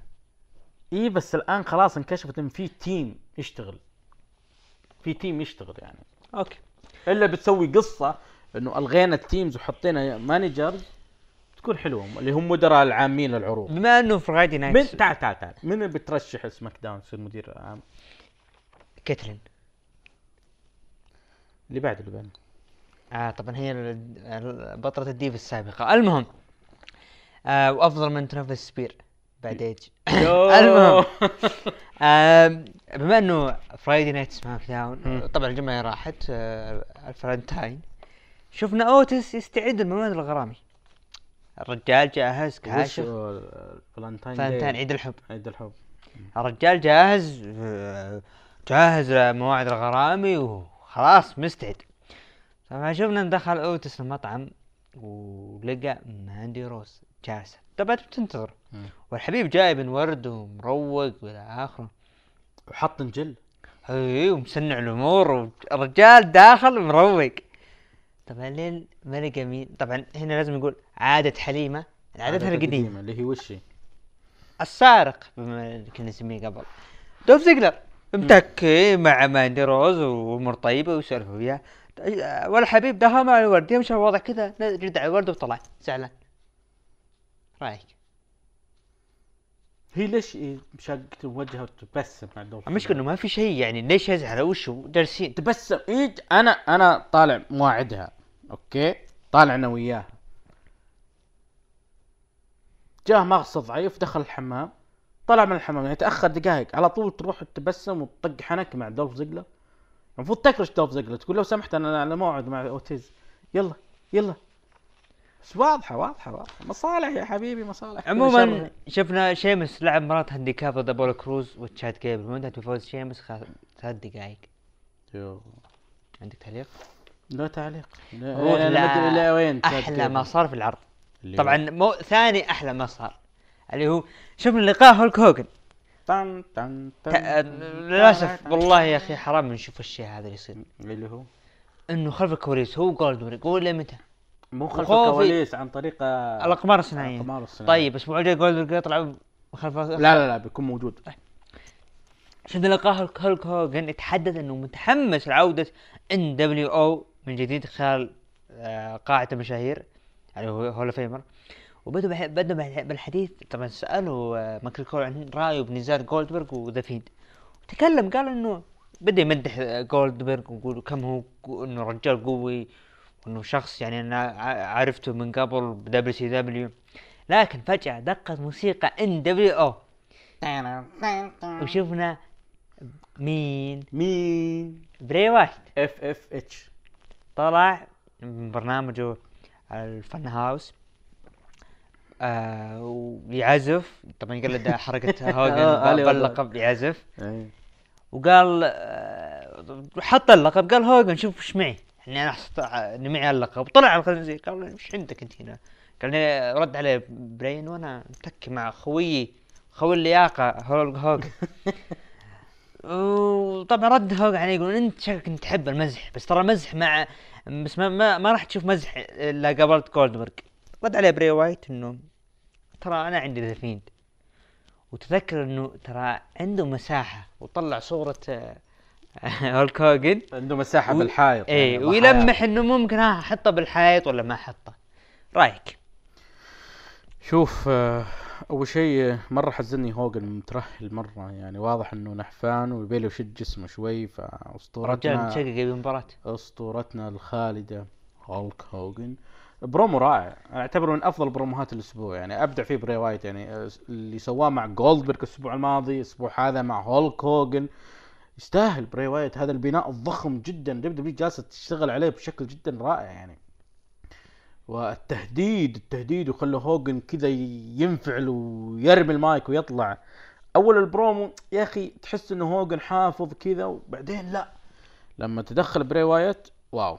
wow صدق يا عبد الرحمن أنا مرة عجبني ال FFH ويقلد حركة هوليوود هوجن وبعدين التهديد والجدية قبلها كان في طقطقة. بري وايت بالنسبة لي رقم واحد حاليا في عالم المصارعة. هو رقم واحد. ليس عشان حامل لقب. لا لا لا. character وإتقان في ال character. لذلك. تحية تحية يستاهل والله. يستاهل. شفنا سامي زين سيزارو وسط حلبة يعزفون لكن قاطعهم الايس. قال أنا جاي أنا باقف معكم نسمع اغانيكم دخل حلبة يوم بدأ يعزف سامي. وسيزارو الجمهور بدأ يردد اسم الايس. وقاموا يعطون boo لسامي لكن فجأة سامي وسيزارو عصبوا وهجموا على الايس ولين ما دقت موسيقى برون سترومان وانقذ الايس ونظف الحلبة. عندك تعليق؟ التعليق هو متى نشوف آه، سترومان يدافع عن اللقب؟ ما أعلنوا شيء حتى الآن يعني ما, ما عنده أي مباراة عندنا في السعودية. مم، ما ولا أتمنى يعلنون لأنه ما في وقت البناء أسبوع واحد. هو في قصة الآن بينهم. عموما بما إنه البيلا توينز راح يطلعون يعني الجمعة هذه. يا صبر. تمام. هو معلن قبل يعني قبل قبل إعلان البيلا توينز. جون سينا راح يرجع س... بالجو بال fallout لسماك داون اللي بعد Super ShowDown. أكيد نيكي بيلا زعلانه فقالت ليش ما طلع قبله؟ رأيك؟ صح هي بتطلع قبله تطلع الأسبوع الجاي. عشان للأسف ال Hall of Fame انها بيكرمن يعني هذا اللي عندي إحساس يعني. آه نروح لل main event. شفنا فريق ذا ميز وموريسون ضد رومان طبعا كان الشخص المفاجئ. مين مين؟ الين ما طلع براين. وبدت المباراة واللي انتهت. طبعا أول ما بدت المباراة شوف شوف التواضع. شوف عمرك شفت أحد متواضع مثل الملك كوربن بس الأمانة لا والله. يحق لك المفروض أنت. تصفق يعني يعني يعني الملك كوربن دق خشم ملتزر غير إنه دق خشم دخل الرجال مروق. أنا ملك بتابع مباراة شاري تذكرة مثلي مثل أي شخص عادي. أنا جاي بتابع مباراة. طيب شاري التذكرة وش مقعدك على ال stage؟ وروح هناك بين الجمهور. عموما لا هو شاري VIP. VIP فوق. لهم. غرف لهم. الملك له آه، مكان خاص. عموما. انت مباراة فوز برا رومان رينز وبراين خلال 13 دقيقة. وبعد المباراة ويجيك كوربن ويدق رومان ويمشي. رايك؟ ما تك رومان أول ما أنتهت المباراة. أيوه. مين اللي هجم على رومان؟ كوربن اي دقه بس ما دقوا ذاك دقه طاح طيب طيب. أول شيء آه رومان خفت الأضواء عنه أكثر. ما حسيت فيه شيء يعني لافت آه مع لأنه بعداوة باردة مع كوربن آه، العداوة دي المفروض تنتهي. عداوه اللي بتعيد التوهج لرومان رينز هي عداوة ضد ال Fiend. واضح إن هذا كله بيصير بعد عرض السعودية. بنشوفه. أو آه، بناء ال Elimination Chamber آه، غير كذا إذا كان في لافت شيء بالمباراة هذه فهو بلا جدال دانيال براين. دانيال براين الجديد الحقيقي أمامنا الثلاثية واضحة. مباراة ثلاثية واضحة قدامي. يا رب. وهذا اللي أنا أتمناه يعني. بري وايت ضد دانيال براين ضد رومان رينز في ألمانيا. أعطي تقييمك العرض. خمسة من عشرة. أنا أعطيه أيضا خمسة من عشرة. نجم العرض؟ نجم العرض نقول بري وايت. أنا أيضا أقول بري وايت. طبعا rating العرض يا عبد الرحمن كم كان هذا الأسبوع؟ انخفض rating SmackDown هذا الأسبوع إلى مليونين وأربعمية اثنين وثمانين ألف مشاهد. هذا شوف انخفض. وهذا السبب إنه الملك كوربن ما طلع بنهاية العرض لو طالع من بداية العرض كان الحال غير. واللي يثبت ذلك أن الملك كوربن أعلن انه إنه مبعد بداية العرض إنه ما راح يدخل القاعة. ليش؟ زعلان. إيه. فعشان كذا انخفض. الناس زعلانة. ليش؟ تقييم متابعينا آه، من عشرة لعرض SmackDown هذا الأسبوع آه، 38% أعلى نسبة أعطوه من خمسة إلى ثمانية. آه، عطنا عرض الرو. آه عرض الرو. عرض ال Raw. افتتح عرض ال Raw راندي اورتن دخل وقال انه راندي. قال ان الأسبوع السابق اللي صار ما راح يصير. وإن الهاردي بويز كانوا معروفين بأنهم يطيرون فوق. يعني طبعا ذكر من ناحية السلالم إلى آخره. لكن الآن يهبطون الأسفل. لكن دقت موسيقى على هاردي بويز وطلع مات هاردي. وقال راندي إنت ما لا يعني لا تسوي نفسك أنت يعني منتبه لي وما أدري وش وما راح يصير لي. لا لا لا ما بشي أنا بعرف المرة الثانية ليش سويت كذا بايج رد عليه راندي قال له راندي أنا أحترمك بس ما احترم وقبل ما يطلع قال إنه أنا آسف وطلع من الحلبة. يوم طلع قال خلاص يعني انتهت. يعني أو كان في مباراة المفروض بس ما أدري إيش صار. فجأة التفت فسخ الجاكيت رجع الحلبة ويجلد مات هاردي. جلد غير طبيعي لدرجة إنه بال- آه شاله وحطه على. شو اسمه الدرج. الدرج اللي عند الحلبة وضربه بالكرسي. رايك الحين أنت WWE أعلنت عن مباراة بين مات هاردي وراندي أورتن بدون قوانين صح؟ مم. صح بعدين تقول لي إنه الأطباء ما أعطوه الضوء الأخضر صح شو انت شلون تعلن عن مباراة وأنت ما اعطيت الضوء الأخضر؟ شو التناقض هذا؟ عموما آه، برومو كان جيد لا بأس فيه آه، حتى الآن آه، راندي ما يبغى يقول لنا ليش آه، سوى الحركة هذه مع آه ايج طلع قال لكم كلمة يقول أنا إني أنا محترم ايج لا، يقول أنا مو بس أحترم ايج أنا أحب ايج هو يقول كذا فأنا بالنسبة لي آه، توهان علامة استفهام كبرى آه، مات هاردي واضح. حتى WWE قبل أمس تكلموا إنه طلعوه من المستشفى.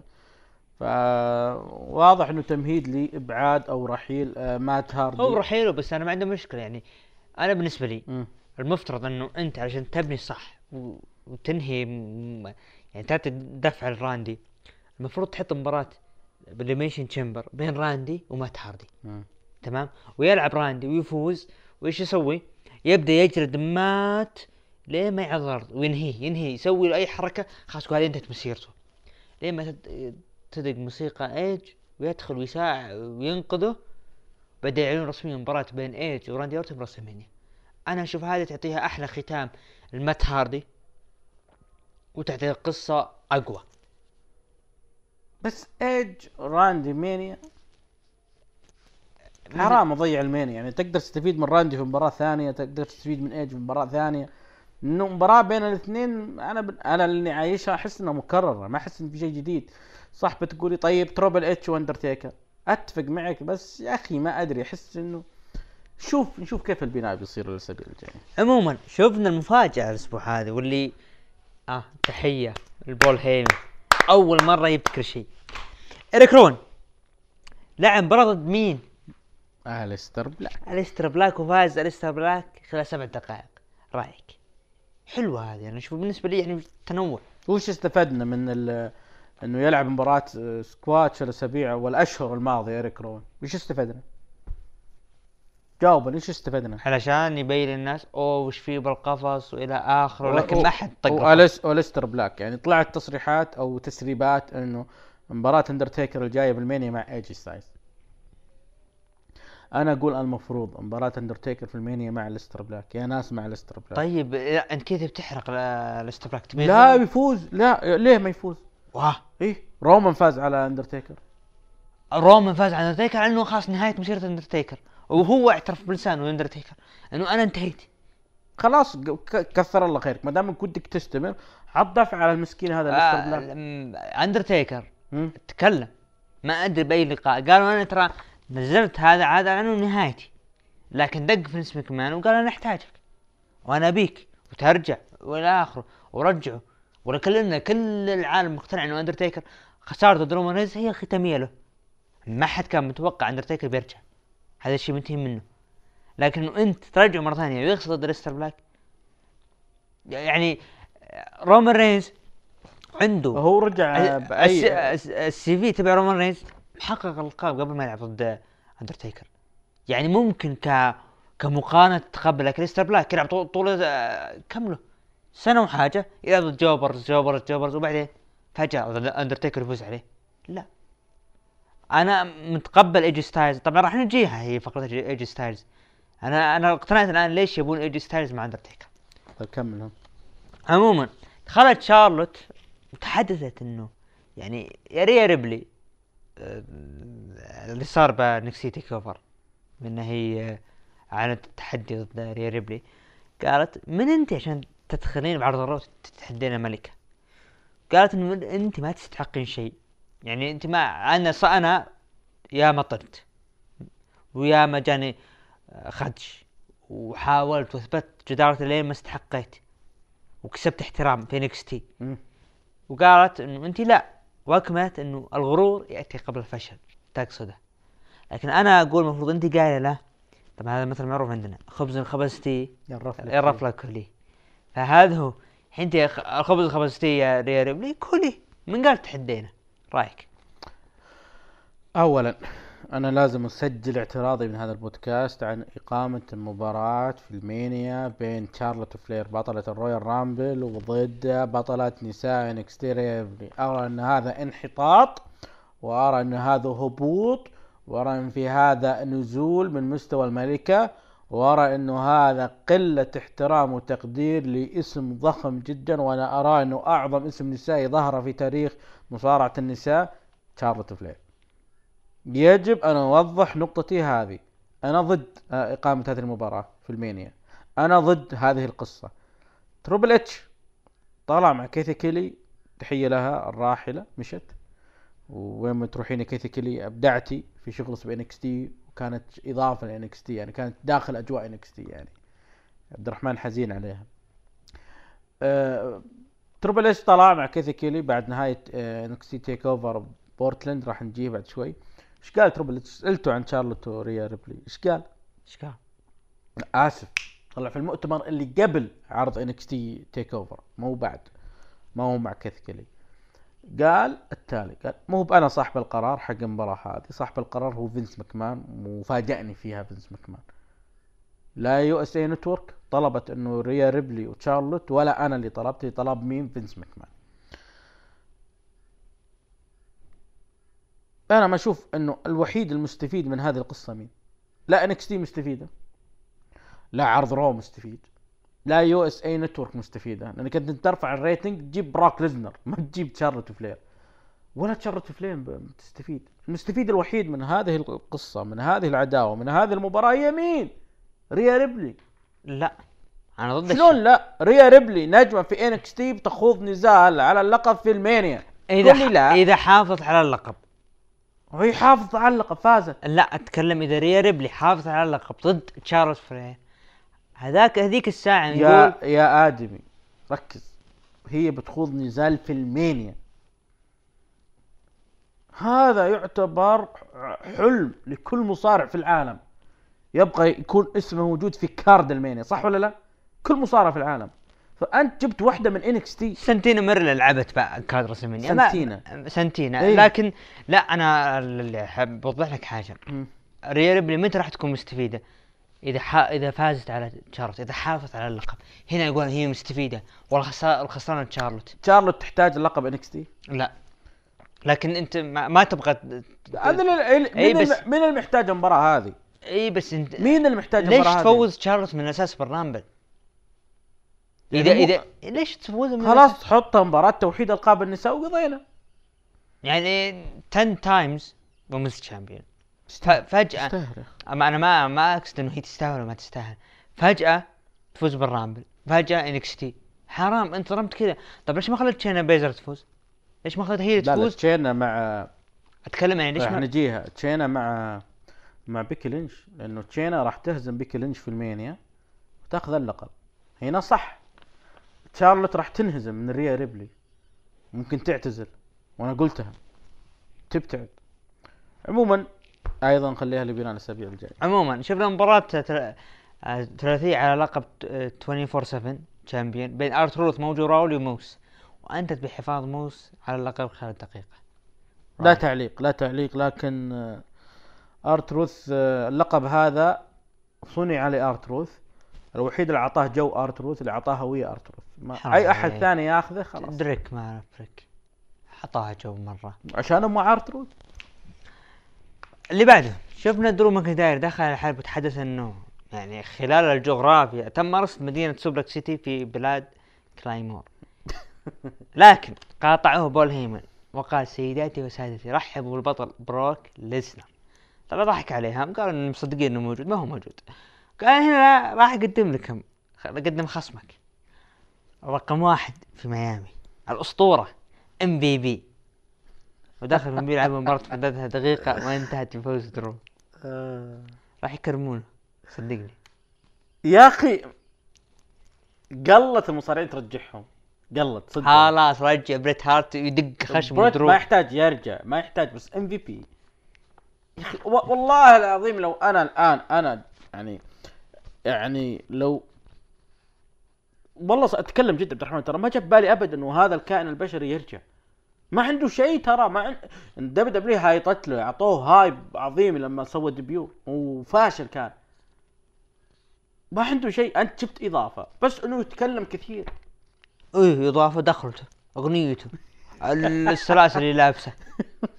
مين أحد يسوي مثله؟ آه كمل كمل. وعندك سين سؤال عندك مصارع من ميامي الحين؟ موجود دبليو ذرك ذا روك هارب. لا العالم آه. بدينا نغلط بدينا هارب عالم الهوليوود أيوه. مثله مثل جون سينا وباتيستا كلهم هاربين. كان سينا ساعة عموما شفنا ب- هي مسترجلة ولا رجال والله ما ندري. المهم بكلينش. دخلت ومع كيس ودخلت حلبة وبه شوفت النفس فتحت الكيس وقالت يلا ها بسم الله هذه فلوس. هذه غرامة اللي السيارة اللي أنا خذيتها. وعن صار الأسبوع اللي راح.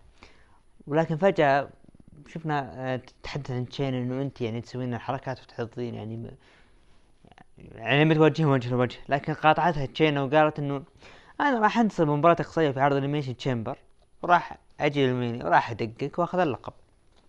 عندك تعليق؟ آه هذا اللي بيصير فعلا. شينا بيزر راح تدق. بيكي لينش في ألمانيا وتاخذ منها اللقب غصبا عنها. المباراة ال- آه، شفنا مباراة روسف وهمبرتو ضد لاشلي وانخل جارزا وانتهت حلو والله. لاشلي وجارزا مرة استمتعت ثمان. دقائق. حلوة استمتعت فيها. آه جاز لي ال ال ال ال ال تعرف شلون الغيرة النسائية اللي شفتها من آه، زيلينا فيجا ولانا على بعض؟ حسيت كذا بينهن يعني إيش عنده ما حبيتها. أنا عجبني القصة هذه كلها بصراحة. هنا هنا آه، شيء حلو هنا. هنا اي هنا قدرت تستفيد من النساء في القصة. قدرت تستفيد من النساء في فقرة. قدرت تستفيد من النساء في مباراة. هنا قدرت توظفهم صح. هنا توظيف صحيح. المباراة كانت حلوة. مرة حلوة المباراة صراحة يعني. آه، ممتعة جدا. وأنجل جارزا كل أسبوع يبين إنه أفضل من الأسبوع اللي قبله. بصراحه يعني. عموما طبعا هذه فقرة آه شفنا كايريسن. لعبت ضد ناتاليا اللي خاله بريت هارت. فازت عليه بالعدل الخارجي. بعد ما اسقط ضربة ناتاليا ثلاث من دقائق نعم. مبروك لسيرجيو أخيرا آه، كايري سين كايري سين فازت أخذت المباراة يعني. والله ما بغت. حتى تشوف بعد المباراة يرقصوا مستانسات أو تقوم مرة تفوز. شفنا بادي ميرفي. آه يقدم سيث رولينز. بل آه يقدمه آه وبدأ بالحديث سيث وشكر ميرفي يو طول لكن الجمهور استهجن. سيث رولينز وت- وتحدث سيث رولينز وتكلم قال إحنا هنا الاحتفاء بالمستقبل. وإن أي واحد يعترض طريقة التقدم والمستقبل لكن دقت موسيقى الفايكنج ريدرز وسيطروا على الحلبة وسيث هرب لين ما وصل إلى آه، حلطة معلقين إلى المدخل فجأة كيفن اونز هجم عليه. رايك شوف قصة آه، المخلص. تبغى نخليها مع مع main event آه، قصة المخلص قصة المختار. مكرر والله مكرر. الجمهور طفش منها في أمريكا. مكرر. أنا عشان أبغى بروح لفقرة The Club بعدين ال main event يلا. لأن بثبت لك إيش مكرر. شفنا The Club يدخلون مع ستايلز. الحميدة وعودته ستايلز بعد غياب. فيها بصراحة. وعودته بعد غياب بدأ بالحديث إنه إنه البطولة هذه اللي كاس الطويق. كاس الطويق راح أفوز عليها وإني أنا أساسا أستطيع اصارع أي شخص من أي حقبة لأنني الأفضل بالعالم وقد يكون خصمي بروك درو ريزر رامون شون مايكلز أندرتيكر وديزل هولك هوجن جميع NWO ما قال بريت ستينج و... وإني أنا ماني مهتم بالنهاية أنا فايز لكن دقت موسيقى ريكوشيه وقال إني أنا راح أفوز على بروك وراح أستأنس وأطقه وفله لما صار ملاسم بينه وبين كار أندرسون ولعبوا مباراة وانتهت خلال سبع دقائق بانتصار ريكوشي عندك تعليق؟ يا أخي فخامة وهو يقول طويك فخامة ويقول اندرتيكر فخامة وهو يقول طويك قال بريت صح؟ لا. ما قال بريت. قال ستينج قال ستينج وطقطقوا على لحية ستينج وذكر اندرتيكر وذكر ال NWO كامل. ريحة لحيته شوي كذا. ذكر ذكر NWO كامل وتيكر ومايكلز وبريت. وبروك ودرو. ما ذكر بريت. ما كان وما قال MVP لا. اي ولا قال كوربن. ولا قال بريت هارت. طيب. عموما رايك؟ برومو رائع من اجمل البروموهات. عودة AJ ستايلز مرة فرحت فيها لأن كانت مفاجأة ما حد كان تكلم عنه. بيرجع يعني. فقط الإعلان الأسبوع الماضي عن كاس طويق وفجأة كذا آه، AJ ستايلز بينهم اوه أندرادي معهم أوف. كانوا فاج... مفاجئين فيها اختيار الأسماء. أنا شو يطقطقون على ديف ملتسر والله الدب دبليو يطقطقون عليه يطقطقون عليه. يقول شيء الأسبوع الجاي طالعين. لا لا هين ما هو طقطقة ملتزر كذاب هين من يوم عرفته. آه هنا أنا أقول لك موضوع الستر بلاك. شوف ذكر أندرتيكر واللي واضح انه ستايلز ضد أندرتيكر. ستايلز ما بحاجته إنه يفوز على اندرتيكر يعني خسارة AJ ستايلز ما راح تنقص لا لا. هي هي هي مباراة اندرتيكر و AJ ستايلز تعرف إنه المانيا لها نوع نوع من المباريات مباراة مباريات الثقيلة مباريات اللي فيها ثقل مباريات فيها أسماء آه العام الماضي كانت آه باتيستا تربل اتش صح؟ صح السنة هذه اندرتيكر وايج ستينج. ستايلز. صدقني أنا نقول ستينج عموما أنا بالنسبة لي. ايج ستايلز يعني بالنهاية لو لعب ضد اندرتيكر برسلمانيا ما راح يكون خسران يعني بالنهاية إذا هو خسر. لا لا راح تستمتع. ليش راح- ليش؟ لأنه لو لعب الستر بلاك ضد اندرتيكر الناس كلهم يبون اندرتيكر يفوز.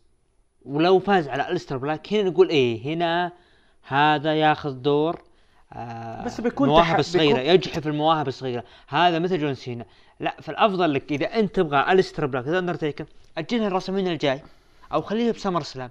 لين ما تبني شخصية الستر بلاك مو تلعب ضد jobbers وبعدين يلا فجأة أندرتيكر. تدري نوفمبر الجاي أندرتيكر بيكمل 30 سنة في الدبليو دبليو.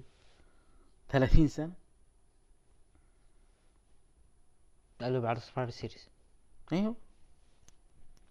مباراة ضد ستينج بس سرفايفر سيريز عطنا عموما نروح main event. مكررة مكررة على قولة الشايب. والله يعني تعبت. أنا أكتب التقرير تعبت. تعبت وأنا أكتب المباراة هذه. وأنا أكتب المباراة هذه. كيفن أوينز والفايكنج ريدرز. لعبوا لعبوا. مباراة ضد بود ضد بادي ميرفي وأي أو بي. بادي. وانتهت خلال 15 دقيقة بفوز. كيفن أوينز والفايكنج ريدرز بال DQ. بعد المباراة هجم سيث وعصابته عليهم، لكن دقت. موسيقى مين؟ جو لا. مين؟ ستريت بروفيت أيوه. وانقذوا كيفن اوينز والفايكنج ريدرز واعلنوا بعدها إنه عندنا مباراة في السوبر شو داون في قاعة محمد عبده ستريت بروفيتس ضد مين؟ حامل القاب فرق عرض رو سيث رولينز وبادي ميرفي. هذه ما هي مكررة لا تظلمهم. لما تشوفوا ال main event مباراة وتشوف البرومو اللي صاير. إيش بكم مع بعض؟ إيش يطلع؟ ما شفتها قبل؟ كم مرة شفناهم يلعبون؟ يحبون وقت يا عبد الرحمن. عبي وقت. كم مرة نشوفهم يلعبون؟ هذا بول هيمن ما يدري إيش يسوي. عبي وقت عندك ثلاث ساعات إيش تسوي؟ مو هذا اللي نتكلم عنه. سيث رولنز بهذا الدور ما راح تستفيدون منه حاجة.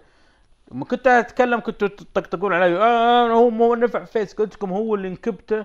لما أعلنوا عن قصته مع بيكي لينش لما بيكي لينش صار الناس ضدها بعدها استفادت لما أعلنت القصة هي طلعت over وهو سحبوا عليها الناس. سيث رولنز كان مشروع face عظيم للدبليو دبليو خليفة جون سينا هذا هو قدامك وبيتفوق على جون سينا. صدقني بيتفوق على جون سينا. لكن ماذا نقول؟ يعني هذا هذه أفكار بول هيمن. مسايا مدري وين و ياجوج ومأجوج إيه. تقييمك العرض. ثلاثة من عشرة. أنا أعطيه الثلاثة أربعة. هذه هذه تروح للام في بي أنا أعطيه أربعة من عشرة. نجم العرض غير ام في بي ايج ستايلز أنا أقول درو ماكنتاير عشان نفوز على الام في بي yep عشان فاز ام في بي. آه طبعا ما شفنا أي rating هذا الأسبوع لكن تقييم متابعينا من عشرة 35% أعطوه تقييم خمسة إلى ثمانية. طبعا عبد الرحمن آه، امس مشوف في شارع الصالحية عندنا في عنيزة. أمس مريت عند البدر الاتصالات وشفت عندهم الأشياء اللي نزلت الجديدة عندهم اللي الجرابات حقات سماعة الايربودز وخذيت كذا واحدة. والله ألوانهم حلوة. ألوانهم غريبة وحلوة. وأسعارهم معقولة. فأنصح الجميع اللي اللي يحب الألوان الغريبة يروح لهم. طبعا البدر اتصالات آه، موجود في محافظة عنيزة شارع الصالحي. عندنا الآن يا عبد الرحمن العرض المرتقب وهو NXT تيك اوفر بورتلاند 2020 هذا العرض آه، يعني أقيم يوم أحد ما هو أقيم سبت و... عرض عظيم. وكان جدا عظيم يعني. وشفنا طاولة التعليق نيجل ماجنس بيث فينيكس وماورو رانالو. طبعا البرومو كان حليل برومو كان جيد. افتتح العرض بمباراة لقب شمال أمريكا حمل لقب كيث لي ضد دومينيك دايجاكوفيك. مباراة رائعة. مباراة خرافية مباراة أنا استمتعت بكل تفاصيلها. بصراحة مباراة super heavyweight خرافية استغرقت قرابة ال- الثلث ساعة وانتهت بحفاظ كيث لي على لقبة بعد ما قام بتثبيت دايجاكوفيك. رأيك مباراة المباراة أسطورية. الأمانة قدموا مباراة رائعة وما مليت منهم ما مليت منهم المباراة اللي بعدها أخذت ربع ساعة مباراة قتال شوارع. داكوتا كاي ضد تيجن نوكس. مباراة يعني شفنا فيها كل حاجات عنيفة. آه، فجأة شفنا آه، جونزاليس فاجأت الجميع ودخلت على تيجن نوكس وسببت خسارتها للمباراة. رايك بالمباراة هذه أنا ما ما نتكلم عن المباريات هذه لا حرام عليك. والله يا نساء نساء تكلم- تكلم، نساء انكس تي ونكس تي okay. أرجع وأقول أفضل من ال roster الرسمي وأفضل من اي دبليو يعني شوف كيف يقدمون. اي دبليو. عندهم نساء أصلا. آه، بطلة النساء عندهم متحول. جنسي المهم ف انكس تي يو كي أعلنوا رسميا تيك اوفر القادم حقهم. انكس تي يو كي تيك اوفر راح يكون فين؟ في دبلن إيرلندا. ديرة مين؟ 26 إبريل القادم. أكيد ديرة الإيرلنديين واجد. أنا أتمنى أشوف شيمس هناك بعد. أه بعدها شفنا مباراة. مباراة بصراحة كانت فوق الوصف. مباراه أخذت قرابة النص ساعة. ماما فين بالور؟ جوني قرقانو قدموا لنا مباراة للتاريخ بصراحة. هنا نصفق هنا نصفق بلر. بصراحة قصة عودة بلر ل آه، إنه يقدم نفسه بشكل جدا رائع وشكل جدا خرافي بهذه الطريقة. بعداوته مع جوني قرقانو والاثنين كان عندهم نقص في آه، إتقان مهارة الحديث على المايك. واثنينهم في بناء هذه المباراة العداوة الأسابيع الماضية طلعوا بروموهات حلوة مرة جبارة. ويقدموا لي هذه المباراة الخرافية. بصراحة تحية لهم. المباراة انتهت بفوز فين بلر؟ نعم فين بلر فاز على جوني قرقانو. خلاص؟ بلر انتهى من NX T آه بالر آه أنا متوقع وعلى تسريبات لكنه والله ما راح أرفضها. إنه راح يلعب مباراة ضد Triple H لكن كيف تبي تكون؟ مين؟ Triple H بلر و Triple H امم WrestleMania الجاية. ما أدري. نروح للمباراة اللي بعدها. مباراة على لقب نساء NXT ريا ريبلي ضد بيانكا بيلير. مباراة أخذت أقل من ربع ساعة وانتهت بحفاظ ريا ريبلي على لقبها. أنا توقعت بيعطونها بيانكا بيلير عشان نشوف ثلاثية هي مع تشارلوت. قبل ال Mania؟ بس ما ما اهتميت فيها أصلا مباراة وايد قريت عنها. تكلم انت تخصصك. الأمانة بيانكا بالير عظيمة. بعدها شفنا تشارلوت فلير دخلت. هي المفروض تستاهل كاشخة تاخذ الملكة المفروض هي تفوز كاشخة بالراوند. الملكة. أول مرة أشوف وحدة كاشخة. وتضرب ضرب عنيف.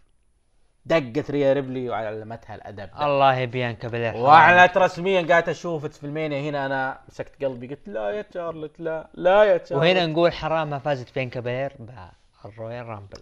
بعدها مباراة المرتقبة اللي. الكل مترقبها الكل منتظرها مباراة لقب فرق NXT حامل الألقاب ال Undisputed Era بوبي فيش كايل أورالي ضد أبطال بطولة داستي رودز اللقب ال BroserWeights مات ريدل بيت دن مباراة استغرقت الثلث ساعة وكانت من أجمل وأروع مباريات الفرق اللي شفناها حتى الآن في 2020 وانتهت بتتويج ال BroserWeights بألقاب الفرق. رأيك؟ مباراة عظيمة. للأمانة قدموا مباراة عظيمة وأنا حتى لو ما فازوا ال BroserWeights ما عندي أي مشكلة لكن مباراة عظيمة ويستاهلون. يستاهلون. طيب سؤالي لك. ما تحس إنه ثنائية مات ريدل وبيت دان غير قابلة للإيقاف؟ مين بيقهرهم؟ مين بيقدر عليهم؟ أنا عندي سيناريو ببالي اللي هو السيناريو راح يستمرون الألقاب لكن راح يخسرون بعدين تصير عداوة بين مات ريدل وبيت دان. ونهايتها واحد يتصاعد منهم لل roster الرسمي. يعني أنت تحس انه بتنتهي آه، عداء بين الاثنين؟ عليك نور بيت دان نتوقع أنا لأنه بيت دان بالدور هذا أنا ما تقبلته حتى الآن فما ينفع إيه بيت ينفع. بي- خلاص أحس إنه استهلك في عروض NXT. فانه ما عنده شيء يسوي خلاص يطلع لل roster الرسمي. وتصير عداوة بين دان ومات ريدل بعدها. نفس سالفة. DIY توماسو تشامبا جوني قرقانو وتحس مات ريدل ينفع بدور المظلوم يعني ترى. ينفع عليكم. ينفع, ينفع بالدور هذا. يستاهل. نروح لل main event. آه، مباراة لقب NXT. آدم كول توماسو تشامبا. مباراة استغرقت أكثر من نصف ساعة بس ما كانت ذاك المتوسط يعني. عشان نكون واقعيين. يعني العرض كان كل مبارياته ما عدا مباراة النساء طبعا كانت جدا رائعة. جدا عنصرية. ممتعة جدا حلوة جدا خرافية. بس ال main event كانت دون المستوى قليلا. آه، برغم تدخل Undisputed الا ان توماسو تشامبا كان قادر إنه يكمل المباراة ويمشيها على كيفه وقدر فعلا يسيطر. لكن فجأة جوني جرجانو على المفروض إنه يتدخل علشان يفزع لتوماسو تشامبا ضد Undisputed Era لكن جوني جرجانو أخذ الحزام وصفق فيه توماسو تشامبا. واستغلها آدم كول ليقوم بتثبيت توماسو تشامبا لرسميا آدم كول يحافظ على لقبه أمام توماسو تشامبا وعودة العداوة القديمة. توماسو تشامبا ضد جوني جرجانو. سؤال من شقين. اولا آدم كول ما المنافس القادم؟ اثنين هل أنت مستعد مشاهدة فصل جديد من عداوة توماسو تشامبا وجوني جرجانو؟ عرض NXT الشهر القادم متى؟ تامبا. تامبا. أسبوع WrestleMania. ثلاثية. ضد آه أنا جوني قلت رباعية. ضد جوني بلر آدم كول جرجانو توماسو تشامبا أنت تقول إيش؟ جا- ضد جوني جرجانو توماسو تشامبا ضد- وآدم كول. ما كنت صارت قبل؟ ان هذه راح تكون هي الختام بالنسبة لموضوع تشامبا وقرقانو مع إنها مكررة. أما بالنسبة لبالر ضد Triple H. تقييمك العرض انكس تي يو كي انكس تي تيك اوفر بورتلاند أمم، على ال main event أنا ما حبيت نهايته لكن أعطيه 8 من 10 8 من 10 أنا أعطيه أيضا 8 من 10 نجم العرض؟ نجم العرض أنا أشوف كيث لي أنا بالنسبة لي كان فين بلر بصراحة لأنه تطور تطور هائل جدا وكنا ننتقده كثير. تقييم متابعينا عبد الرحمن 63% من متابعينا أعطوه 9 إلى 10 wow. متابعينا كانوا مرة متحمسين لعرض بورتلاند. نروح بعدها لعرض ال AEW Dynamite آه العرض هذا أنا بالنسبة لي كان كله. كله مباريات. أنا ما شفت له أي برومو إلا للمتحولة جنسيا بس لكن الباقي العرض كله كان مباريات. آه، افتتح العرض بمباراة آه، battle royal tag teams لتحديد مصنف أول آه، للقب الفرق في آه، عرض Revolution صح؟ إي نعم. إيه آه، طبعا ال battle royal عشان كل الناس في الصورة بعد ما يتم إقصاء الجميع آخر اثنين آه، يتم الإقصاء يتم التثبيت لا يصير إيوه. آه لا لا ما في هذه تثبيت. هذه على طول إقصاءات من فوق الحبل الثالث بدون تثبيت أو اخضاع طبعا المباراة أخذت ثلث ساعة وانتهت آه بفوز ال Young Bucks. تحديدا مات جاكسون لما سوى superkicks لأورتيز وأقصى أورتيز.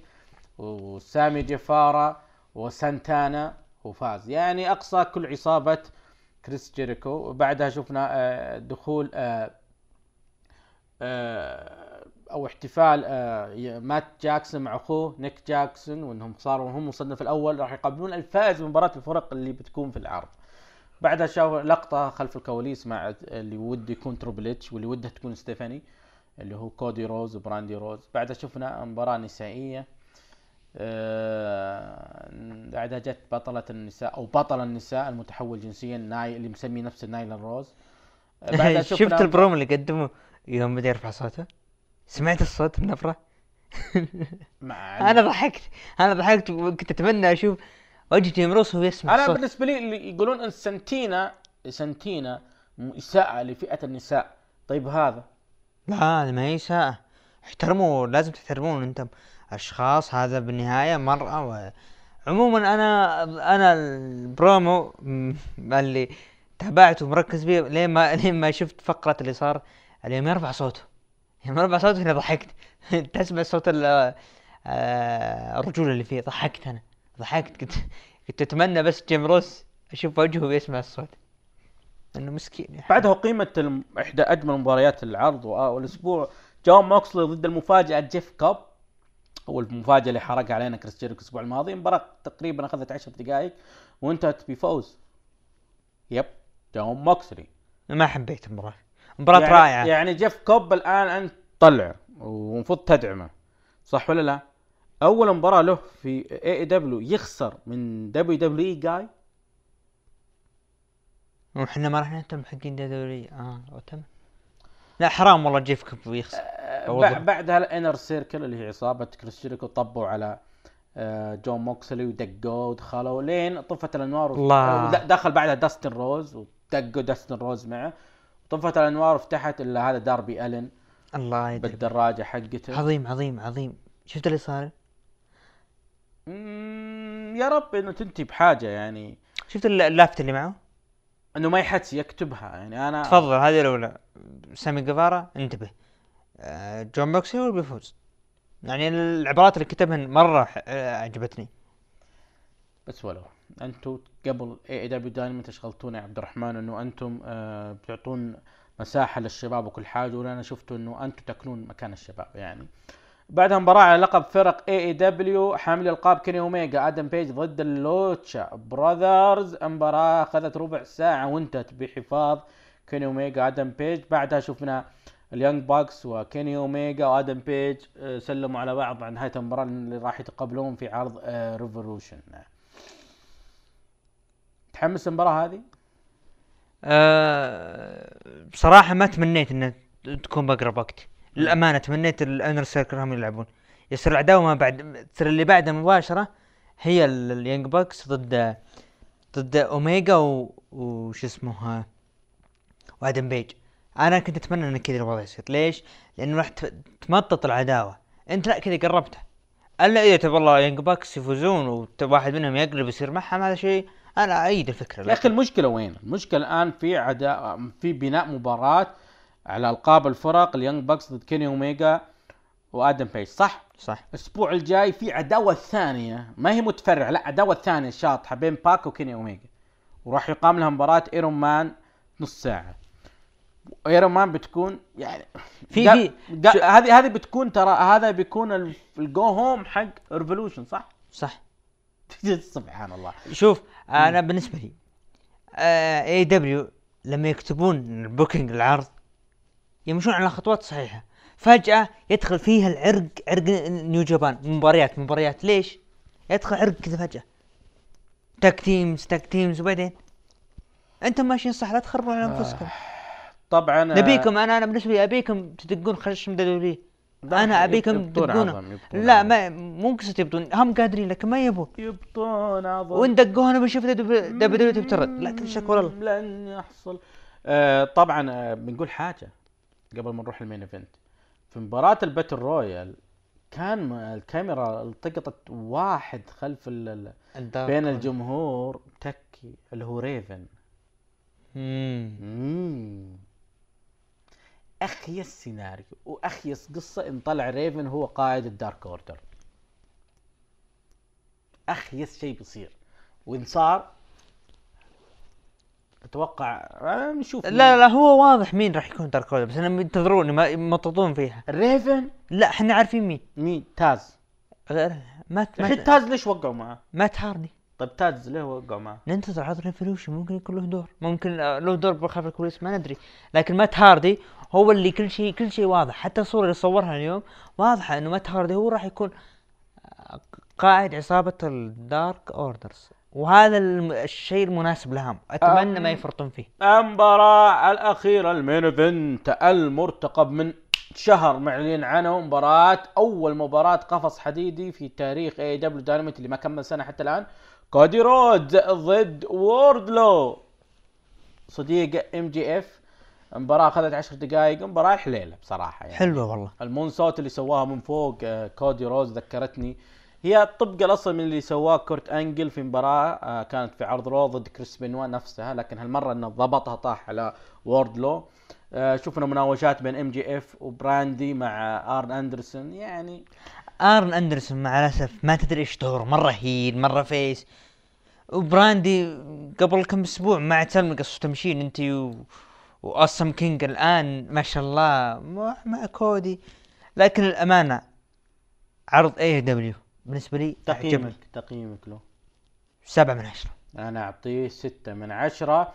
تقييم متابعينا 47% قال لك لم أشاهده. آه 23% أعطوه خمسة إلى آه ثمانية. نروح لعرض NXT أحد أفضل عروض هذا الأسبوع. العرض افتتح بدخول عصابة الاندسبيدد إيرا. آه تحدثوا عن اللي صار في آه ال NXT TakeOver وتحدث لكن قاطعهم آه، دريم فلفتين دريم وتحدث عن آه، اللي سواه الأسبوع الماضي مع عائلة رودريك سترونج انفع رودريك سترونج قالوا ما عليك الليلة إن شاء الله راح تاخذ حقك منه. بعدها أقيمت إحدى أجمل مباريات هذا الأسبوع مباراة على لقب ال cruiserweight حامل اللقب جوردن ديفلن ضد ليو راش مباراة رائعة. مباراة جميلة استمتعت فيها. مباراة cruiserweight حقيقية أخذت ثلث ساعة وانتهت بحفاظ جوردن ديفلن على لقبه بعد ما قام بتثبيت آه، ليو راش. رأيك؟ المباراة آه، شوف كلنا متوقعين إنه جوردن ديفلن راح يحافظ على اللقب. مستحيل يخسر على طول لكن أنا تمنيت. يلعب ضد انخل جارزا مباراة اعادة وبعدين قفل الموضوع. أنا ترى WWE سالفتها مع ال rematch ما يبون. آه، أنا من النوع اللي أنا أحب أشوف شخص ياخذ إعادة مباراة إعادة وبعدها خلاص قفل. خليه يخسر لو بسرعة. قفل العداوة. يعني مثل بروك و... وكوفي ليش ما أخذ إعادة؟ جولدبرغ وكيفن أوينز ليش ما أخذ إعادة؟ خلي يقفل الموضوع عشان ما تقول بعدين أوه ليش ما اخذتها؟ خلصها. أنا يعني خ... آه، غير كذا أنا ابي منافس جديد. خلاص ملينا. خلف الكواليس داكوتا كاي وصديقتها كانوا يتحدثون عن اللي صار في ال TakeOver مع المسكينة تيجن ناكس. طبعا آه، قاطعهم مدير العرض ويليام ريجل منور وقال إن ناكس ظلمت في ال TakeOver عشان كذا بعد أسبوعين راح تخوض نزال قفص حديدي ضد داكوتا كاي. AEW حطوا مباراة قفص حديدي آه، كودي رودز ضد آه، ووردلو. NXT ترد بلقب آه، مباراة قفص حديدي لكن للنساء رأيك؟ أم سيناريو يعني مقنع. ولا ما له دخل ما في رابط لا بينهم؟ ما في رابط. لا هذا ي... اللي NXT يقنعك إنه علشان جونزاليس شو اسمها هي؟ آه راكويل؟ جونزاليس را- راكون هذا إنه ما لها ما مستحيل تدخلين مباراة steel cage. أنت ما راح تدخلين. هذا شيء مقنع تشوفه لك. لكن آه، اللي عند كودي هذه عداوه من زمان. عداوة من زمان. آه بعدها شفنا ريا ريبلي تكلمت عن آه قبول آه طبعا هو سجلوها خلف كواليس ال TakeOver هذا البرومو وتكلمت مع الكاثي كيلي اللي راحت وتركت NXT وداعا تركت WWE. يا أخي وجهها ز- طفولي. زعلها من بلر و... يبي وجهها. المهم ما حد يتركها. آه، حرام. آه، يا أخي ما ادري إيش فيها. المهم آه ريا ريبلي تكلمت إنه الله يعين آه شارلوت راح تكون الكابوس حقها وهذا اللي أنا متوقع. طبعا أوستن ثيري نجم Evolve دخل الحلبة عشان عنده مباراة نتفاجئ دخول توماسو تشامبا. قدم برومو رائع جدا عجبني البرومو توماسو تشامبا وقال له هي ماني فاضيلك بعدين أنا اليوم ماني فاضيلك وتكلم توماسو تشامبا عن اللي حصل في NXT TakeOver وقال إنه أنا ماني مستغرب من تدخل جوني جرجانو أصلا. إن أنا أعرف ليه تدخل. وجون جرجانو يدري إني أنا أدري. أقصد الغيرة بينهم. لذلك راح يكون في انتقام قادم. آه، طبعا أوستن ثيري هاجم على توماسو تشامبا ولكن توماسو تشامبا كان يعني جاهز له وصار بينهم داق. لذلك اعلنوا الأسبوع الجاي راح نشوف مباراة بين توماسو تشامبا وأوستن ثيري. أوستن ثيري رأيك فيه؟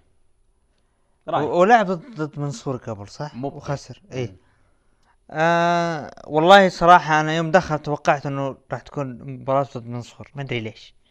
جاني إحساس كذا. قلتها من قبل أوستن ثيري يبغاله أحس إنه ظالمينه يبي مساحة.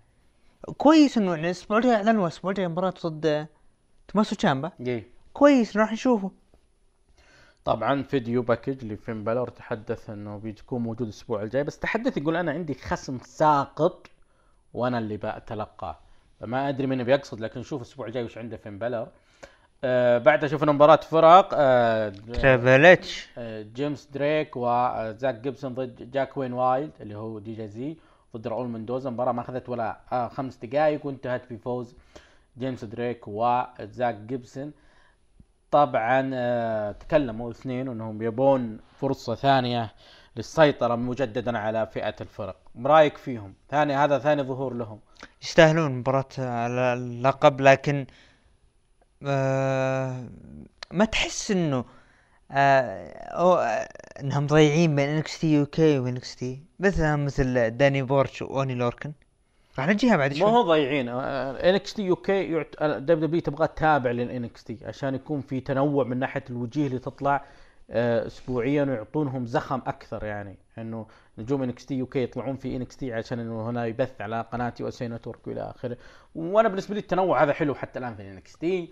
بعدها شفنا أبطال الفرق الجدد أبطال فرق NXT ال Broserweights بيت دن ومات ريدل يتكلمون عن فوزهم الضخم والرائع جدا وبرومو حلو يعني. وتكلم مات ريدل إنه سيارة الجولف حقتي مدري وين هي. وكانوا يطقطقون لين دخل عليهم داني بورش اوني لوركن وبعدها اقيمت مباراة فرق بين الفريقين ومباراة جميلة مباراة فرق يعني عشر دقائق انتهت بفوز أبطال الفرق بيت دان و آه، مات ريدل. اوني لوركن داني بورش. ثالث عرض في الأسبوع يظهرون فيه إيش رأيك؟ لو تحطهم ضد جدران يبدعون بالمباراة. بعدها شفنا آه، لقطات آه، من حساب فريق ال Forgotten Sons اللي forgotten يعني لنا كم أسبوع ناسينهم أصلا. من ال Survivor Series آه، اخر ظهور لهم قبل ال Royal Rumble بشهر أتوقع. أه تحدثوا عن جيمس دريك وزاك جيبسون فواضح إنه بيصير في عداوة قادمة بين الفريقين فهذا شيء أنا بالنسبة لي حلو. كويسة بعدها بطل شمال أمريكا دخل الحلبة كيث لي وحطوا آه، بعض الفيديوهات عن ظهوره اللي كان آه، في WWE Backstage يعني مع مارك هنري ومع بيج وريني يانج وبوكرتي. كان آه، لقاء رائع. ما حبيت اللقاء صراحة. ليه ما حبيت اللقاء؟ أنا نحن أنا نحن اللي صار لهم. ما. واذا ص- المهم دخل عليه كونر ريفز وأقيمت المباراة بينهم أخذت عشر ثواني. فاز فيها كيث لي. ليتدخل دومينيك داجاكوفيك بعد المباراة على طول وقال إنه أنا أبغى مباراة ثانية. أنت مستعد مباراة ثانية؟ داجاكوفيك كيث لي على لقب شمال أمريكا ما راح ما راح أقول لا لكن ما أتمنى. مين المنافس تشوفه في لقب شمال أمريكا غير داجاكوفيك إلا كيث لي في NXT أو NXT UK. آه داميان آه، بريست؟ امم بريش صح نسيناه. بعدها أقيمت مباراة لتشيلسي جرين وكايدن كارتر. الله يا تشيلسي. آه، طبعا حدث إنه بايانكا بيلير تدخلت وقالت بس دقيقة صمت يسمونها دقيقة صمت. لا نقطة نظام نقطة نظام. وصلت رسالة إلى شارلوت فلير إنه راح آخذ بثاري منك يا شارلوت فلير أنا ماني فاهم وش دخل بايانكا بيلير مع شارلوت فلير يعني. هل بتشوف هذا؟ هذا يوضح لك إنها راح تكون ثلاثية بالريسلمانيا وراح آه راح شارلوت فلير راح تثبت مع الأسف بيانكا باير تاخذ اللقب ويحافظون على ريا ريبلي. بعدها آه، نروح لل main event. فالفتين دريم ضد رودريك سترونج. المباراة أخذت ربع ساعة. مباراة كانت رائعة جدا. بصراحة عجبني الشغل الثنائي. استطاعوا الاثنين إنه يقدمون لهم مباراة حلوة. آه، أنا أحس إن في لسه باقي في مباراة ثانية. المباراة انتهت بفوز فالفتين دريم وخطف الانتصار من رودريك سترونج. لكن بعد المباراة دخلوا Undisputed Era ودقوا فالفتين دريم داق عبد الرحمن. السيناريو ما حبيته. فلفتين دريمز وحاط صورة العائلة ثاني مرة أقول. ما حبيته وبعدين؟ وبعدين؟ كذا انت أنت, أنت كذا المفروض إنه اللي إحنا نشوفه إنه رودريك سترونج. أنت قصدك ال gear اللي هو السروال إي حقه. ما ما أنت شفت يوم ما- قبل ها- نهاية المباراة؟ ك- كذا إهانة. هو شوف هو شيء جديد لما يكون بين هيل بين فيس يسوي الشيء هذا. مع إنه المفروض يسوي هيل لكن أنا ما حبيته يعني. أنت ما حبيته. طيب كم تقييمك العرض؟ أعطيه ستة ونص من عشرة. ستة ونص من عشرة. أنا أعطيه سبعة من عشرة. نجم العرض؟ نجم العرض نقول عندك آه، توماسو تشامبا؟ أنا أقول فالفتين دريم هو نجم العرض. تقييم متابعينا 38% قالوا لم نشاهد العرض لكن 27% أعطوه من خمسة إلى ثمانية. طبعا rating الأسبوع الماضي يا عبد الرحمن. AEW Dynamite حقق 817 ألف مشاهد بينما ال NXT 757 ألف مشاهدة. آه، rating NXT ما زال محافظ على المستوى فقط هبط بمقدار 13 ألف عن الأسبوع اللي قبله. لكن AEW فقدوا 111 ألف. 111 ألف فقدوا من آه، هو العرض الأسبوع السابق. سيء لكن الأسبوع هذا جدا جميل. الأسبوع هذا كان جدا جميل. جدا جميل. أمس يا عبد الرحمن آه، قد تلهل. كنا طالعين من غرب عنيزة لشرق عنيزة. طلعنا من طريق الشهيد آه، طلال المانع. وأخذنا معنا ذيك الفطاير. تعرف اللي يسمونها العرايس؟ إيه. وش العرايس؟ إيش اسمها؟ كيف أوصف لك شكله؟ الفطاير على شكل مثلثات صح إيه. ولا لا؟ يكون فيها لحوم.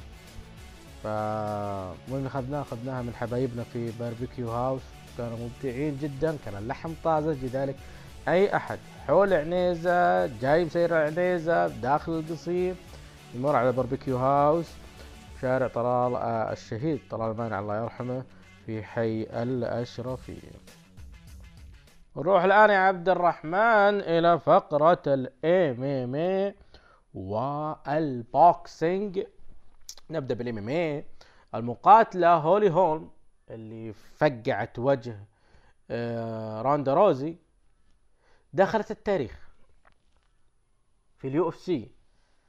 إنها كملت خمسين مرة يتم فحصها على كشف عن المنشطات الوكالة الأمريكية لكشف عن المنشطات اللي هي يو اس اي دي اي ولا طلع عندها أي عينة إيجابية. صراحة؟ رياضية بجهة النساء ولا عموما؟ بال UFC حتى الآن لكن ما هو متأكدين بشكل عام يعني بكل الرياضات. أنا بالنسبة لي هذه اللي هي تكون قدوة للبنات أو النساء وإلى آخره. تعلم يا رومان رينز. كمارو عثمان وجه رسالة إلى كولبي قال له كان على الحكم إيقاف القتال من أجل أن يحميك حتى تتمكن من العيش القتال في يوم آخر. wow. تحس أن التصاريح هذه اللي تهدد من ناحية القتل من ناحية الموت والوفاة م- يعني هي تنفع بالمصارعة إحنا دارين إنها تمثيل لكن عبد الرحمن؟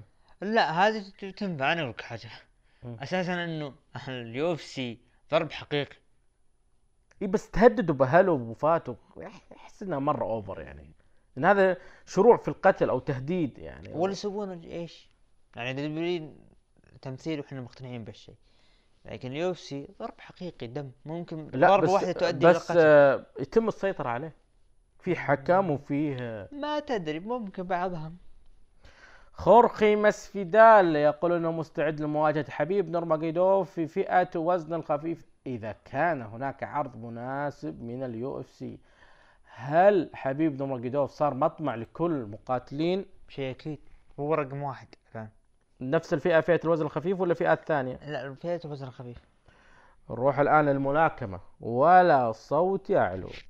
هذا الأسبوع. أعطينا نزال عن نزال الثاني ل تايسون فيوري وويلدر طبعا النزال بيقام الأحد اللي هو فجر الاثنين. بعطيك قصة تايسون فيوري باختصار شديد. إ- إلى فترة معينة الاخوين كليتشكو كانوا مسيطرين على آه، فئة الوزن آه، الثقيل في عالم الملاكمة. عشر سنوات تقريبا الاثنين مسيطرين. ولك أن تتخيل إنه اثنين ما تقابلوا ليش؟ أمهم تقول لا أنتم إخوان أشقة ليش تقابلون بعض؟ تقتلون بعض تفقعون وجه بعض. إلين طلع آه، ملاكم من مدينة مانشستر في بريطانيا اسمه تايسون فيوري. وقدر إنه يتغلب على فلاديمير كليتشكو وانتزع منه ألقاب منظمات اللي هو فئة وزن الثقيل منظمة WBO IBF WBA و IBO وكان النزال حقهم ب 2015 شهير وكان في ألمانيا الناس خلاص توقعوا إن تاز تايسون فيوري خلاص بيسيطر. إلا كانت المفاجأة إنه تايسون فيوري بعد ما أخذ الألقاب أعلن اعتزاله. فجأة. لكن تكشفت الأمور عبد الرحمن. طلع الرجال يعاني من اكتئاب والرجال مدمن مخدرات وكحول وكان مرة يحاول إنه ينتحر.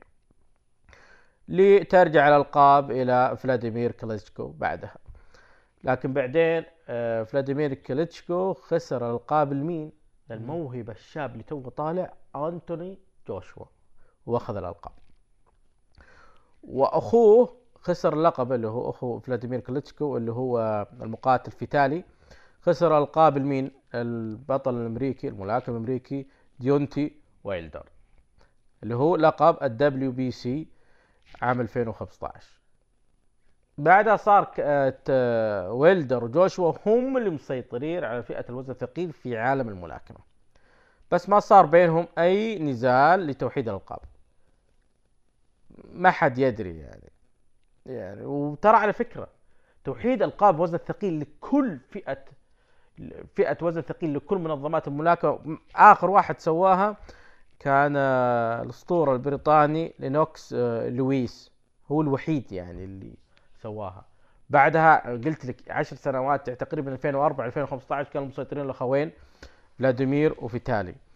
المهم 2017 صا- كانت الصدمة. تايسون فيوري أعلن إنه بيرجع مرة ثانية.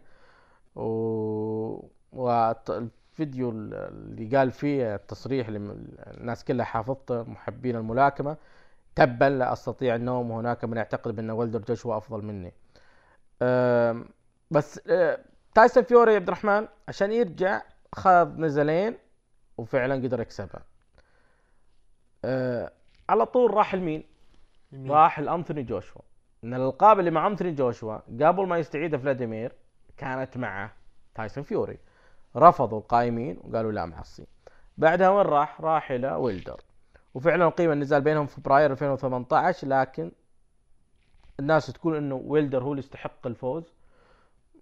لجنة الحكام قالت لا تعادل وويلدر يحافظ على ألقابه. الأحد الجاي بنشوف ال rematch تايسون فيوري ويلدر. آه، فيوري غير مدربه مدربه كان بن ديفسون ورجع مدربه القديم شوغر هيل. آه، هالمرة آه، تايسون فيوري يقول أنا متأكد راح أحسم النزال بالضربة القاضية وما راح أرجع للحكام.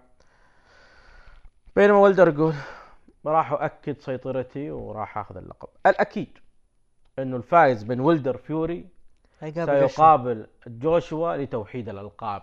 نشوف بطل موحد بلا منازع لفئة الوزن الثقيل في كل عالم الملاكمة.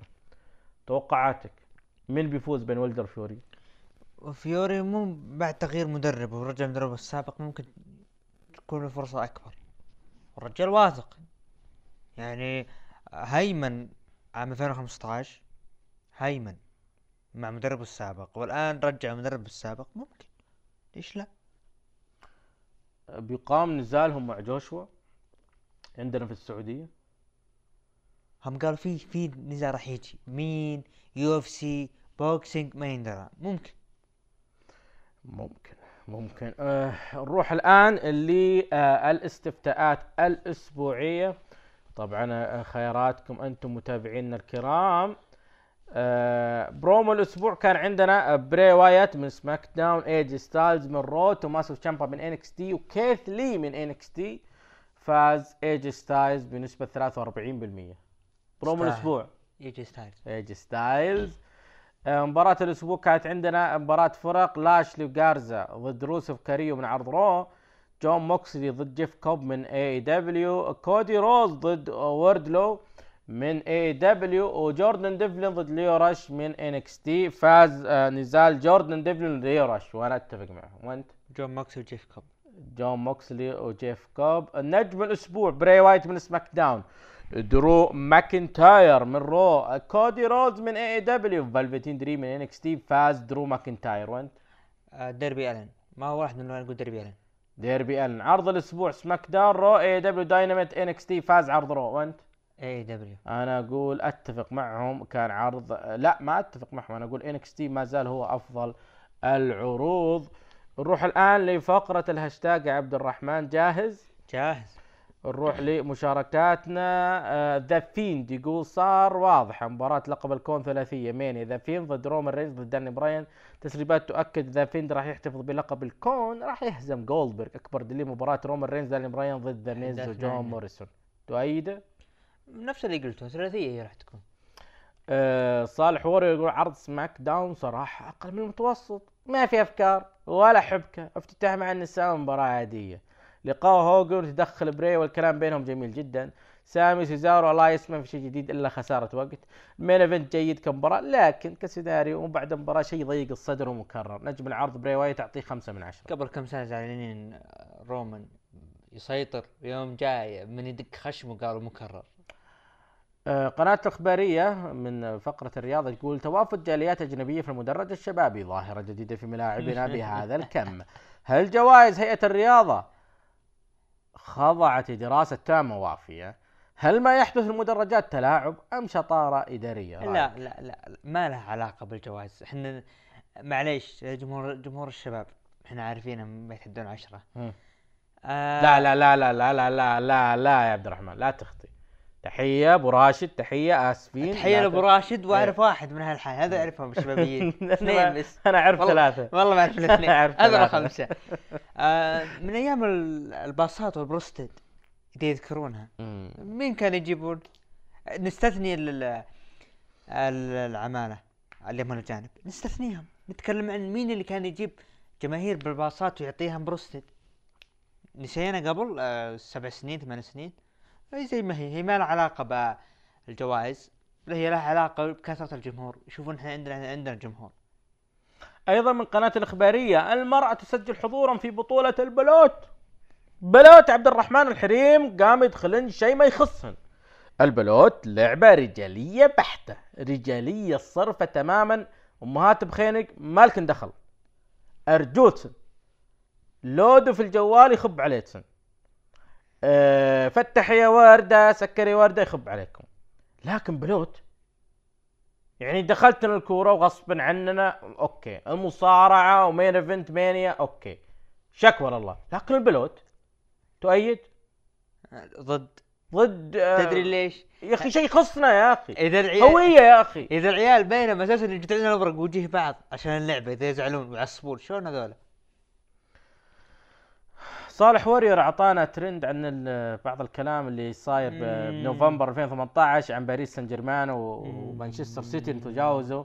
آه، أمور مالية إدارية. صح آه، مان سيتي عوقب صح؟ صح. آه، منع من آه، مشاركة في بطولة دوري أبطال آه أوروبا. عنده استئناف. عنده استئناف. تبغاني أتكلم لك عن الموضوع باختصار اتكلم. طيب. آه أول شيء تحية عبد الملك آه آه شو اسمه هذا شخص بالاتحاد السعودي انتراوي مم. ويدرس له يا ماجستير ليل ها. يدرس له ماجستير. آه ببريطانيا. طبعا لخص الموضوع باختصار. مانشستر سيتي آه، طبعا الملاك مين الشيخ منصور بن منصور زايد. بن زايد. تمام. ما شاء الله يعني عنده خير. منصور بن زايد شرى النادي عام 2009 يب. بعد ما شرى قام يصرف.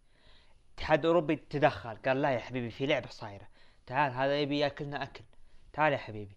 تبي والله تاخذ راحتك لازم تكون عندك إيرادات ومن ناحية إنه مبيعات عندك البيع والشراء لازم تكون متوازن إيرادات الملعب إيرادات آه، تلفزيون إيش سوى؟ راح شرى حقوق الملعب وحطها باسم الاتحاد طيران الاتحاد الإماراتي بعدين إيش سوى؟ راح شرى راح حط طيران الاتحاد الإماراتي راعي رسمي للنادي بعد ما حطه في هاكر دخل الهاكر هذا دخل بالسجلات للسيتي اكتشف إنه أن ما خاب ظني عقد الرعاية 30 مليون اللي هو المانشستر سيتي 6 مليون المبلغ يروح هي هي قيمة العقد. هذا بالتفاصيل. إيه. الظاهر قدام الناس 30 مليون لكن بالتفاصيل لا 6 مليون والباقي المبلغ يروح انتقالات. فهذا اللي هو سبب التوقف. على عكس باريس سان جيرمان لا هنا ذكاء من ناصر الخليفي. إيش سوى؟ شرى باريس سان جيرمان صرف إلى آخره. آه، الملعب ما غير اسمه. الطيران مين؟ Fly Emirates. ما غيروا. أبعد الشبهات. عكس منصور بن زايد. طبعا أنا أتحدث كشخص انتراوي ترى للأسف العقوبات هذه جتنا. علشان بس اللهم مسكنا آه، رئيس إندونيسي إريك آه، طاهر أو إريك توهير. هذا عام 2013 بعد ما مسكنا لصقوا فينا القانون اللعب النظيف. هذا هو اللعب النظيف. متى بدأ؟ يوم دخلوا الأجانب اللي اللي على أوروبا. هنا تحركوا. ولا قبل كان السوق حر وتشتري اللي تبيه. هذه باختصار. وطبعا مانشستر سيتي يحاول إنه طبعا هو إدارة السيتي عارفة باللي صاير وعارف وعارفة بالعقوبة لكن هي تبحث عن وش تقليل مو رفض العقوبة تقليل لأنه لأن هذه عقوبة سنتين. ترى سنتين وانت معك لعيبة سوبر ستار غريبة. طبعا الوحيد اللي من اللاعبين اللي أكد بقائه. حتى هذا رحيم ستيرلينج بيب جوارديولا أكد إنه ممكن يجلس إلى نهاية الموسم نهاية عقده طبعا.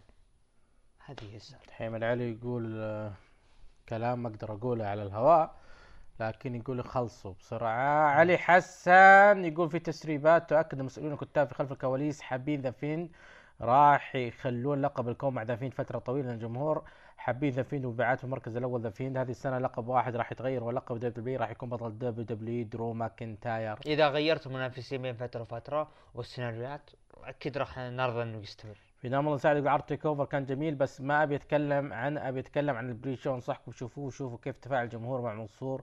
وين مصطفى علي؟ اورتن اورتن اورتن مو قادر ألقى كلمة امدحها فيه بس هل يستواجب عرض السعودية؟ برومو ستايل جميل وفتح ينافس أكثر منافسين. أندرتيكر واضح. شو اندرتيكر واضح؟ هو اندرتيكر خصمه هذا منتهي منه. آه المراعي ساندويتش ابن آها، الكريم هذا. إعلان هذا إعلان. آه آه، حساب يقول شاب مواليد 2000 يتهجم على فتاة في مواقف الافنيوز بعد رفضها يحفظ رقمه. خذي رقمي لا دوسك بن عالي وتم ضبطه من قبل. إيه، إيش قلة الأدب هذا؟ آه، هم مش يدري من قال الكلام هذا. لا لا صدق هي. قلة قلة أدب بس بس نقلك بعد ترى بعد أخبار غير صحيحة. تنقل كلام رسمي إنه للأسف لا تعليق. إذا كان الخبر حقيقي لا تعليق صدقت إن في جيل معفن قادم الله يعين عليه. آه، دحيم العلي. دحيم العلي يقول انتهى وقتنا نعتذر لكل متصلين الكرام. آسفين جدا كان عندنا عرض التيك أوفر كان عندنا عرض آرويتش كان عندنا نزال تايسون فيوري ويلدر. آسفين جدا آه، تحية. للجميع اللي حاولوا يتواصلوا معنا لكن بإذن الله وعد مني أنا وفريق البودكاست كامل راح نعوضكم بإذن الله بحلقة قادمة.